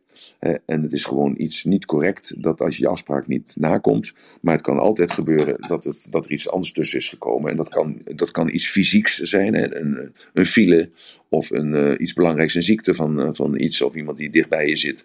En er kan ook dus in je hoofd een kortsluiting zijn dat je even iets vergeet. En eh, ja, dat, dat kan. En, en zorg ervoor dat je dus daardoor eh, ja, misschien eh, toch een schaduwagenda hebt. Dat je die fouten niet maakt. Wat ik bijvoorbeeld altijd doe, ik geef je een voorbeeldje. Ik maak een afspraak, ik, eh, ik druk dat af en ik, ik leg dat in de ordner op de dag dat ik dat moet doen. Dus dat kan vandaag ook op de datum zijn in ieder geval. Maar ik schrijf in mijn agenda schrijf ik het ook op. En ik schrijf altijd het adres erbij op. Schrijf het adres en telefoonnummer erbij op. Dus mocht het zo zijn dat ik onderweg ben en ik denk bij mezelf: hé, hey, ik heb vergeten om in de map te kijken om, om dat mee te nemen. Hè, dus ik kon het niet meenemen. Dan eh, bel ik op eh, en, dan, en ik heb het adres. Dus dan ben ik in ieder geval blij dat ik het opgeschreven heb. En ik kijk altijd in mijn agenda en ik heb natuurlijk die briefjes hè, van imperatief. En wat belangrijk is, wat ik vandaag af moet handelen. En wat vandaag uh, niet belangrijk is, wat morgen kan. Zo, dus, en ik streep dat af. Dus bij mij komt het eigenlijk niet voor dat ik een afspraak vergeet. En ehm, als ik een afspraak af moet zeggen, door wat voor reden dan ook. Dat, ik heb gisteren nog iemand gebeld, daar had ik een afspraak mee een week of zes geleden. Nee, korter, vier weken geleden. En elke keer zat het door mijn kop, ik moet hem bellen. Want ik, uh, ik heb toen de tijd die afspraak afgebeld. We hadden afgesproken om samen te dineren om half zeven. En ik heb hem pas om kwart voor zes afgebeld, omdat het gewoon niet lukte. En het kon niet, want het was belangrijker om dat af te maken dan die afspraak. Want dat is dan de afweging die je maakt. En uh, toen zei ik, nou, we maken nog een nieuwe afspraak. Toen heb ik hem uh, gisteren gebeld, die man. Gezegd, sorry, neem me niet kwalijk, maar we moeten nog een nieuwe afspraak maken. En ik denk dat hij dat al helemaal vergeten was. Maar het zat mij toch in mijn kop, dat, dat schuldgevoel, dat ik dat nog recht moest zetten. Dus, en toen zei hij van ja, dat weet ik niet. Ik zei nou, dan bepalen we samen wel. denk er maar aan. En als je wat weet, dan bel me maar. Dus het ligt nu bij hem en niet meer bij mij. Wat ja? bij mij dan doet, is dat ik heel graag ja, ik vind vertrouwen heel belangrijk. En ik vind mensen, dat mensen daar gewoon te makkelijk mee omgaan. Met afspraken vergeten, niet nakomen. Ja, maar dat is cultuur, uh, cultuurgebonden vandaag de dag. Uh, dat, uh, dat is te maken met het, het, typische, je moet even oppassen wat ik zeg. want er zijn bepaalde culturen die, die daar niet, ja, die, die dat niet zo belangrijk vinden. Hè? En dan denken mensen denken aan Spanje, maar in Spanje zijn mensen heel correct. dan is het wel mañana, mañana, dat is morgen, morgen. Dus uh, morgen doe ik het of morgen neem ik die beslissing, maar dan weet je waar je aan hebt. Maar er zijn andere culturen. Van de week ik, had ik de telefoon aanstaan. En uh, toen kwam ik uh, iemand die mij moest betalen en had ik een afspraak mee. en die moet het elke maand doen. En ja, we, we bellen altijd 48 uur van tevoren op om een bepaald tijdstip op een bepaalde plaats. En die man die is er ook altijd gewoon. En toen zei ik iets wat ik niet had mogen zeggen natuurlijk. Maar dat kan ik nou niet herhalen, want ik had het niet mogen zeggen. Maar hij moest er wel om lachen. Maar dus juist dat gevoel dat jij te vertrouwen bent en dat je er altijd bent en dat je je afspraken nakomt, daar, dat is voor mij dus heel belangrijk. Dus ja. vandaar die twijfel en dat ik dacht, oh nee. Ja. En dat dat dan heel wat met je doet. En nu ik er nog geslapen heb, denk ik, ja, weet je, ik ben ook maar een mens. Uh, ik ga nog wel, want ze hebben, hadden ook catering geregeld. En ik, ik ga misschien nog wel even gewoon een, uh, een kaart sturen met een uh, vergoeding. Van, uh, ja, ook al he, we hebben hun geld zat, dat doet er niet toe. Het gaat erom dat ik toch een gebaar wil geven. Van, uh, jij, moet, jij, moet, ja, jij moet doen wat jij denkt wat goed is. Dus jouw intentie. En de intentie is altijd goed. Hè? Ja. Zo, oké. Okay. Dus hoe gaan we nou met die twijfel om? Uh, Mirjam, het is kwart over tien, zie ik. Ja. Uh, wat zullen we doen? Uh, even handjes opzetten. Zullen we doorgaan of moeten we stoppen? Want ik kan me voorstellen dat er mensen zijn die hebben de zondag uh, die zijn afgehaakt. Of die zeggen van luister, het, het, duurt me te lang. Moeten we het naar morgen toe happen? Of zeg je van nou doe er maar. Dan, of ik kan ze ook snel achter elkaar opzeggen. Zodat je ze op kan schrijven en dat iedereen erover na kan denken. En dat we dus dan morgen erover verder gaan. Dat zou ook kunnen. mensen op podium? Willen jullie een reactie geven? Wat mij betreft gaan we nu door. Want morgen ben ik weer aan het werk. Dus uh, ik, ja. ik zeg uh, go for it. Nou, oké. Okay. ik heb hetzelfde, want ik ben er morgen ook aan het werk. Goed zo, oké. Okay. Dan gaan we even door. Ja, oké. Okay. Uh, nou, de, de, er zijn een aantal oplossingen. Hè? Dus eerst moet je dus dat weten van jezelf. Hè? Dus dat ken dat zelf. Je moet je eigen body logic weten. Hè? Dus waar zit die dualiteit? Hè? Dus die twijfel. Dus kijk naar je eigen gezicht. Ik heb dat uitgelegd op, eh, met Body Logic, eh, met een seminar. Van dus eh, boven is je intellect, middenin is je wilskracht, onder is je daadkracht. Waar zit je sterkte? Zit je sterkte in het intellect? Zit je sterkte in de, in de, in, in de geestkracht en de wilskracht? Of zit de sterkte in de daadkracht? Zo, dus, en, welke dualiteit zit daarin? Hè? Dus welke voelt zich ondergewaardeerd in deze, in deze drie? En welke voelt zich overgewaardeerd? En waar luister jij meestal naar? En eh, zou het zo kunnen zijn dat eh, normaal gesproken zit je in dat intellectuele beslissingniveau, dan zou het zo kunnen dat iemand je verleidt. En eh, dan, eh, dan weer, weerhoudt je dus iets in jouzelf, dus door, in dat verleidingsproces van koop-verkoop, dat je daardoor geraakt bent. Maar dat, dat kun je zien aan jezelf, dus dat is dus dan boven, midden en onder, en rechts en links, hè, dus dat is het emotionele gedeelte of het rationele gedeelte. En eh, je kunt het natuurlijk ook zien dan aan eh, de lippen, aan het verteringsmechanisme, aan de neus, aan de, de wil en de wenskracht en aan de kin. Zo, dus je kunt dat voor jezelf, maar dan moet je een boek lezen en dan kun je dat herkennen, eh, hoe dat in, in elkaar zit bij jezelf. Zo. Dan is het belangrijk, naast die body logic, is dat je realiseert welk deeltje de, die twijfel heeft. Wees specifiek bij dat zelfonderzoek. Want daardoor isoleer je deze overtuiging op één of op twee gebieden. Dit is belangrijk. Dus, dus weet je nog, mentaal, fysiek, financieel, eh, spiritueel, eh, sociaal, relationeel en loopbaan, hè, ca- carrière.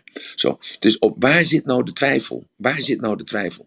En je komt tot de conclusie, als je het lokaliseert, als je het lokaliseert, dan blijkt dus altijd dat het in een gebied zit wat je onderwaardeert, waar je niet zoveel mee doet waar je niet zoveel mee bezig bent. Dus als je weinig sociale contacten hebt, ja, dan twijfel je voornamelijk met die sociale contacten, want je oefent daar weinig in. Maar als je altijd naar de kroeg gaat en je, en je hebt eh, voortdurend dates en eh, je, bent, eh, je, je, je zorgt voor reunieën voor de, voor de family en zo, ja, dan twijfel je daar niet aan, want je bent gewend om daar knopen in door te hakken. Dus het heeft ook te maken met knopen doorhakken. Dus in welk gebied ben jij het minst ontwikkeld? Nou, dat is nummertje één eigenlijk. Dus welk deeltje is dat? Nou, en dan uh, nummertje B, hè, dus nummertje 2 is dan, als je dat weet, dan kun je dus dat gebied eruit pakken. Dus dan kan het sociale gebied zijn, of juist het financiële gebied zijn, of het mentale gebied zijn, of het, het carrière gebied zijn. Dan kun je dat eruit halen en daarmee kun je dan aan het werk gaan. En daarmee kun je zeggen van, ja maar nou, ik heb toch het recht om fouten te maken. Want er bestaan geen fouten, want alles is een leerproces. Zo, dus als je dat nou opschrijft voor jezelf, dus er bestaan helemaal geen fouten. Zo. Dus ja, waarom twijfel ik dan? Ja, ik moet toch een beslissing nemen? Ja, en dan neem je tijd om een beslissing te nemen. Ja, maar dat duurt allemaal hartstikke lang. Ja, oké, en als het te lang duurt, dan, hak je een knoop door. Ja, maar bij twijfel niet inhalen. Oké, maar het gaat om jouw gezondheid. Het gaat om jouw plaats in je hersenen. Dus neem een beslissing nu. Beter een foute beslissing dan geen beslissing. Zo, nou, dus dan, dan doe je dat gewoon. Ongeacht wat de consequenties zijn. Take it. Hè? Dus, dus met andere woorden, fake it till you make it. Het is altijd goed. Er bestaat geen fout. Alles is licht. En in dat licht bestaat geen schaduw. De schaduw bedenk jij. Hè? Dus in, het, in de duisternis schijnt het licht. Nee, er is geen duisternis. Jij bent de duisternis. Dus jij maakt dat. Jij maakt jezelf gek. Dat doet niemand anders. Dat doe je zelf. Dat doe je zelf. Dus jij maakt jezelf gek door te blijven twijfelen. Dus ga terug naar een klein gedeelte van jou, dus naar een deel van jou. En in dat deel uh, heb jij dus dan die twijfel. En maak dat, uh, ga daarmee aan de slag. Omdat jij gewoon geen fouten. Er bestaan helemaal geen fouten. Alles is goed. Alles is goed. Zo. En dan neem dan de overtuiging aan. We hebben het al eerder over gehad, hoe verander je een overtuiging. Hè? Dat is, je mag altijd terugkomen op een eerder genomen beslissing. Jij hebt altijd recht om terug te komen op een genomen beslissing. Dus Mark, dat geldt ook voor die mensen. Die mogen, dat zijn kopers. Die kopers, daar doen we alles voor. Jij bent, jij bent belangrijk als verkoper, maar die koper is belangrijker dan jij. Dus jij moet daaruit leren dat jij je onder die koper moet stellen. Die koper is belangrijker. Die koper smeert jouw boterham. En dus jij moet dus zorgen dat er voldoende olie is en voldoende uh, margarine is of roomboter is om dat proces te smeren. Dus leer daarin geduld te hebben. Iedereen mag terugkomen op een eerder genomen beslissing. En als je die overtuiging aanneemt, ja, word je dan onbetrouwbaar? Nee, want je denkt overal goed over na. Maar het voortschrijdend inzicht geeft ook een andere oplossing aan. En dan mag je daarvoor kiezen. Dus, en dat, is, dat gebeurt vandaag de dag in een van de twee eh, huwelijken gebeurt dat. Er gaan één op de twee gaan eh, niet fout. Nee, ze kiezen voor iets anders. Dat is een hele andere perceptie. Dus je mag altijd terugkomen op een eerder genomen beslissing. En dan een puntje nog, eh, dus het nummertje, nummertje D, dat is het, nummertje 4. Dat had misschien de eerste moeten zijn, en dat is houd van jezelf. Dat is houd van jezelf. En dat houden van jezelf, dat heeft niets te maken natuurlijk met, met je loopbaan. Ja, en ook weer alles. heeft niets te maken met eh, fysiek. Ja, en ook weer alles. Accepteer hoe jij bent. Dus houd van jezelf. Ja, ik kan er ook niks aan doen dat ik nou eenmaal 1 meter eh, 88 ben of 1 meter 90 ben. Ik kan er ook niks aan doen dat ik kleine oortjes heb, dus dat ik emotioneel eh, dan eh, meer ontwikkeld ben dan eh, rationeel. Zo, ja, dat is nou eenmaal zo. Dus, en ik kan er ook niks aan doen dat mijn, filtrum aan het verdwijnen is. Ja, dat, ik heb nog een redelijk goed filtrum, zag ik gisteren op de foto vergeleken met, met James Bond. Ik dacht bij mezelf, nou, ik ben echt eh, 52 geworden sinds ik die beslissing heb genomen. Dus houd van jezelf, accepteer, je, van, accepteer jezelf. En dat is dus dan in zijn totaliteit. Maar als je dus eh, twijfelt in bepaalde deelgebieden, hou dan gewoon van het proces, want dat ben jij. Leven is, dat de laatste woorden van de film. Hè, het, eh, toen eh, namen ze een borrel en, op dat James Bond dood was. En toen las M, die las een stukje uit een boek. En toen zegt hij: Het leven is om geleefd te worden. En zo is het ook. Hè? Het leven is om geleefd te worden. Het kan ook zijn om te leren, het leven kan zijn om te ervaren, het leven, maar het leven is om geleefd te worden. En in dat leven mogen fouten bestaan, mogen goede dingen bestaan. En eh, ja, in het ergste, dat heb ik al vaker verteld, het ergste wat je ooit is overkomen, dus de ergste fout die je ooit gemaakt hebt in je leven.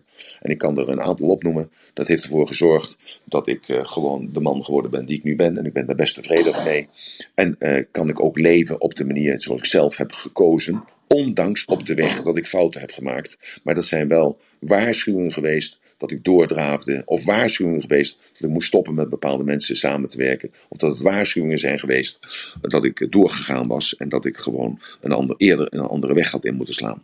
En als je dat zo bekijkt op die manier, dan ben je weer tevreden met jezelf. En dan hou je ook weer van jezelf. En dan kijk je in de spiegel. En dan, ja, dan zeg ik regelmatig tegen mezelf: jongen, we bent toch een hartstikke leuke, aardige, flinke, creatieve, intelligente, flexibele gozer. Ja, en andere mensen noemen dat onanie. Nou, dat is dan hun beslissing. Ik denk daar anders over. Nou, en dan als laatste is het: je moet voortdurend nieuwe dingen doen. Je moet gewoon knopen doorhakken en nieuwe dingen doen. Een vriendinnetje van mij die ging op reis naar Griekenland. Naar een, eh, en ze, ze twijfelde of ze dat moest doen. Ik heb het laatste zetje gegeven. Dat was een eh eenpersoonsreis. Er mochten alleen maar mensen mee die alleen waren.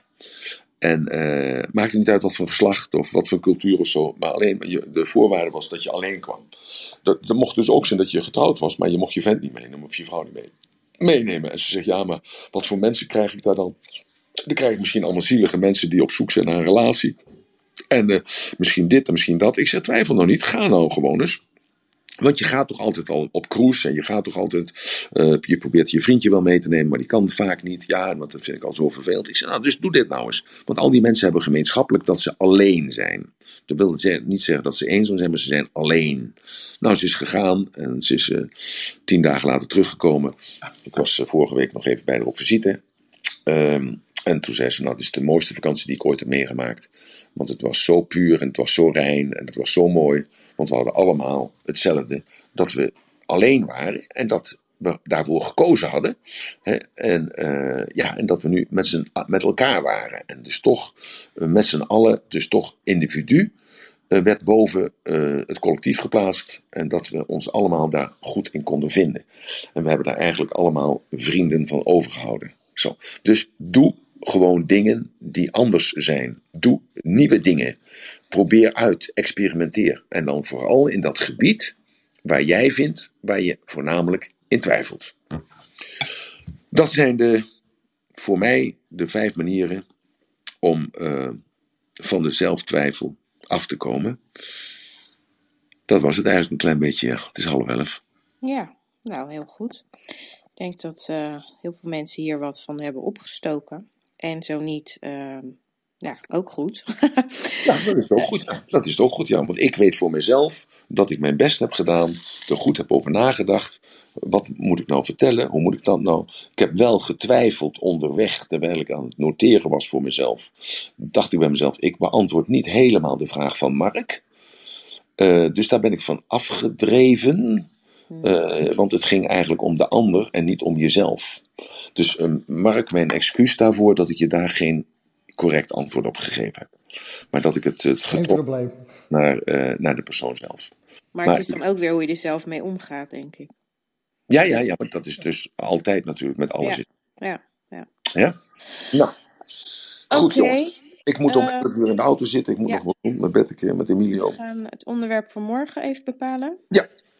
Nou, wie eh, Harold en Mark zijn er morgen niet, heb ik begrepen. maar er zijn Ron is er. Of Marlijn of iemand anders uit het publiek. Natuurlijk het publiek. Even snel die eh, wat wil toevoegen. En anders bepaal jij het onderwerp, Emiel. Dat doen we morgen eh, spontaan. Doen we morgen. Ik, morgen, ik zit morgen in de auto om 10 uur. Ik heb een belangrijke afspraak om half twaalf, geloof ik. Of om 11 uur. Oké, Nou, dus, maar het maakt niet uit. Dus ik zit morgen in de auto en spontaan. Dat zijn altijd de leuke pareltjes, altijd, vind ik Ja. zelf. Is het, is het wat om eh, gewoon eens een keer eh, eh, een onderwerp te pakken wat, eh, wat al goed gaat, bijvoorbeeld? Gewoon, eens, ik noem wat, lekker knallen, gewoon bam. Begin we eh, even wat goed gaat. Nou Het ja, gaat het, gaat vaak natuurlijk om iets op te lossen. Ja. Maar gewoon een, een onderwerp wat je zegt van, oké, lekker knallen, hoe ga je dat voortzetten? Hoe, eh, hoe doe jij dat bijvoorbeeld? Hoe blijf je in je kracht? Ja, bijvoorbeeld. Ja. Oh, die vind ik ook heel mooi. Want ik, ja, ik ga momenteel ook hartstikke goed zakelijk. Ik krijg de ene aanvraag naar de andere. Ja. Maar ik merkte dus dat de twijfel daardoor weer toesloeg. Ik denk, kan ik dit allemaal aan? Ik denk, Ja. normaal. Dit is een luxe Ja. probleem. Doorgaan, come on. Ja, Nee? maar het is altijd doorgaan. Niet stoppen. eh, altijd gelul allemaal. Dus eh, gewoon doorgaan. Eh, daar gaan we het morgen over hebben. Dus eh, gewoon doorgaan, want daar gaat het uiteindelijk om. Het leven is om geleefd te worden. Dat vond ik zo mooi. Dat was het enige goede van de hele film. Eh, alleen heb ik niet gezien wat de titel van het boek was. Eh, dus het leven is er om geleefd te worden. En dat leven bestaat uit werken en uit feestvieren. En uit ontspannen en nog meer dingen natuurlijk. Maar ik heb van de familie van de Valk geleerd. eh, als je hard werkt, moet je ook hard feesten. En dat vind ik eigenlijk altijd wel mooi. Die feesten die ik altijd eh, bij oom Gerrit en bij oma Arie en met de kinderen altijd meemaak. Dat is altijd zo van ze werken zich echt helemaal de blubber. Zeven dagen in de week wordt er echt gewerkt, gepeest. Want er is maar één man belangrijk in hun leven en dat is de klant. Dat is bij meneer eh, Van Eert van de Jumbo is dat hetzelfde laken een pak. En dat is bij elke ondernemer waarvan je dat hoort en spreekt. Dan is het altijd van ja, maar het is om die klant. En daarom ga ik door. Want eh, ja, als het te laat komt of te vroeg is of het is, de kwaliteit is niet goed of ik eh, kan niet nakomen datgene wat ik beloofd heb, dan voel ik mezelf daar slecht door. En eh, ja, dus doorgaan. Oké, daar gaan we het morgen over hebben. Gewoon doorgaan. Leef het leven. Ehm, Ik ja, moet gelijk leven. aan Barry Stevens denken. Die zei altijd vooral doorgaan. Ja, goed, nou, dat is, dat is ook het, het, het credo. Ja. Nou, en dan eh, is het, het, ma- het ratelbandje voor vandaag is, het is eh, zondag. En ik ben dan toch een klein beetje, wat dat betreft, hou ik me dan vast een beetje aan, het, eh, aan de Bijbel. Want het christendom, zes dagen zult gij arbeiden en de zeven dag zult gij rusten. En eh, geniet van vandaag, haal alles uit het leven vandaag, wat je maar eh, kunt eh, beleven. Geniet van alles. En dat eh, genieten wil zeggen dat je intens je focus richt op bepaalde zaken. Dus als je door het bos loopt, kijk dan eens heel intens gefocust naar een boom. En eh, vraag jezelf eens af hoe het kan dat die boom zo groeit en dat die boom omhoog gaat en altijd naar het licht toe gaat en hoe die bomen elkaar vasthouden in dat bos. En als je op straat bent, kijk dan eens naar een auto. Hè, dat, hoe het mogelijk is dat een auto kan, kan rijden en kan sturen en hoe dat mogelijk is. En dat er mensen lopen, dat er mooie mensen zijn en lelijke mensen zijn en fantastische mensen zijn en gekleurde mensen zijn en korte mensen zijn en lange mensen zijn. Maar dat elk mens mooi is in zijn wezen, ook al zit hij in een rolstoel, ook al heeft hij een bepaalde handicap. Hè, dan, dan is er iets niet goed gegaan, maar dat is met jou ook wel eens en dat mag ook allemaal. Maar in ieder geval hij of zij met die handicap heeft wel geleerd om daarmee te leren leven en maakt er ook elke dag het beste van. En dat zou ik jullie willen vragen als ratelbandje en toe willen dichten als ratelbandje. En dan zou ik jullie willen vragen nog één keer, maak van deze zondag een, een mooie zondag. Geniet van elkaar, geniet van jezelf. En dan spreken we elkaar morgenochtend om 9 uur op deze fantastische room. Want we hebben gezamenlijk besloten om niet meer naar de avonturen te gaan, maar lekker s morgens vroeg om 9 uur door te blijven gaan. Dus tot morgenochtend 9 uur. Dank jullie wel. Bye bye.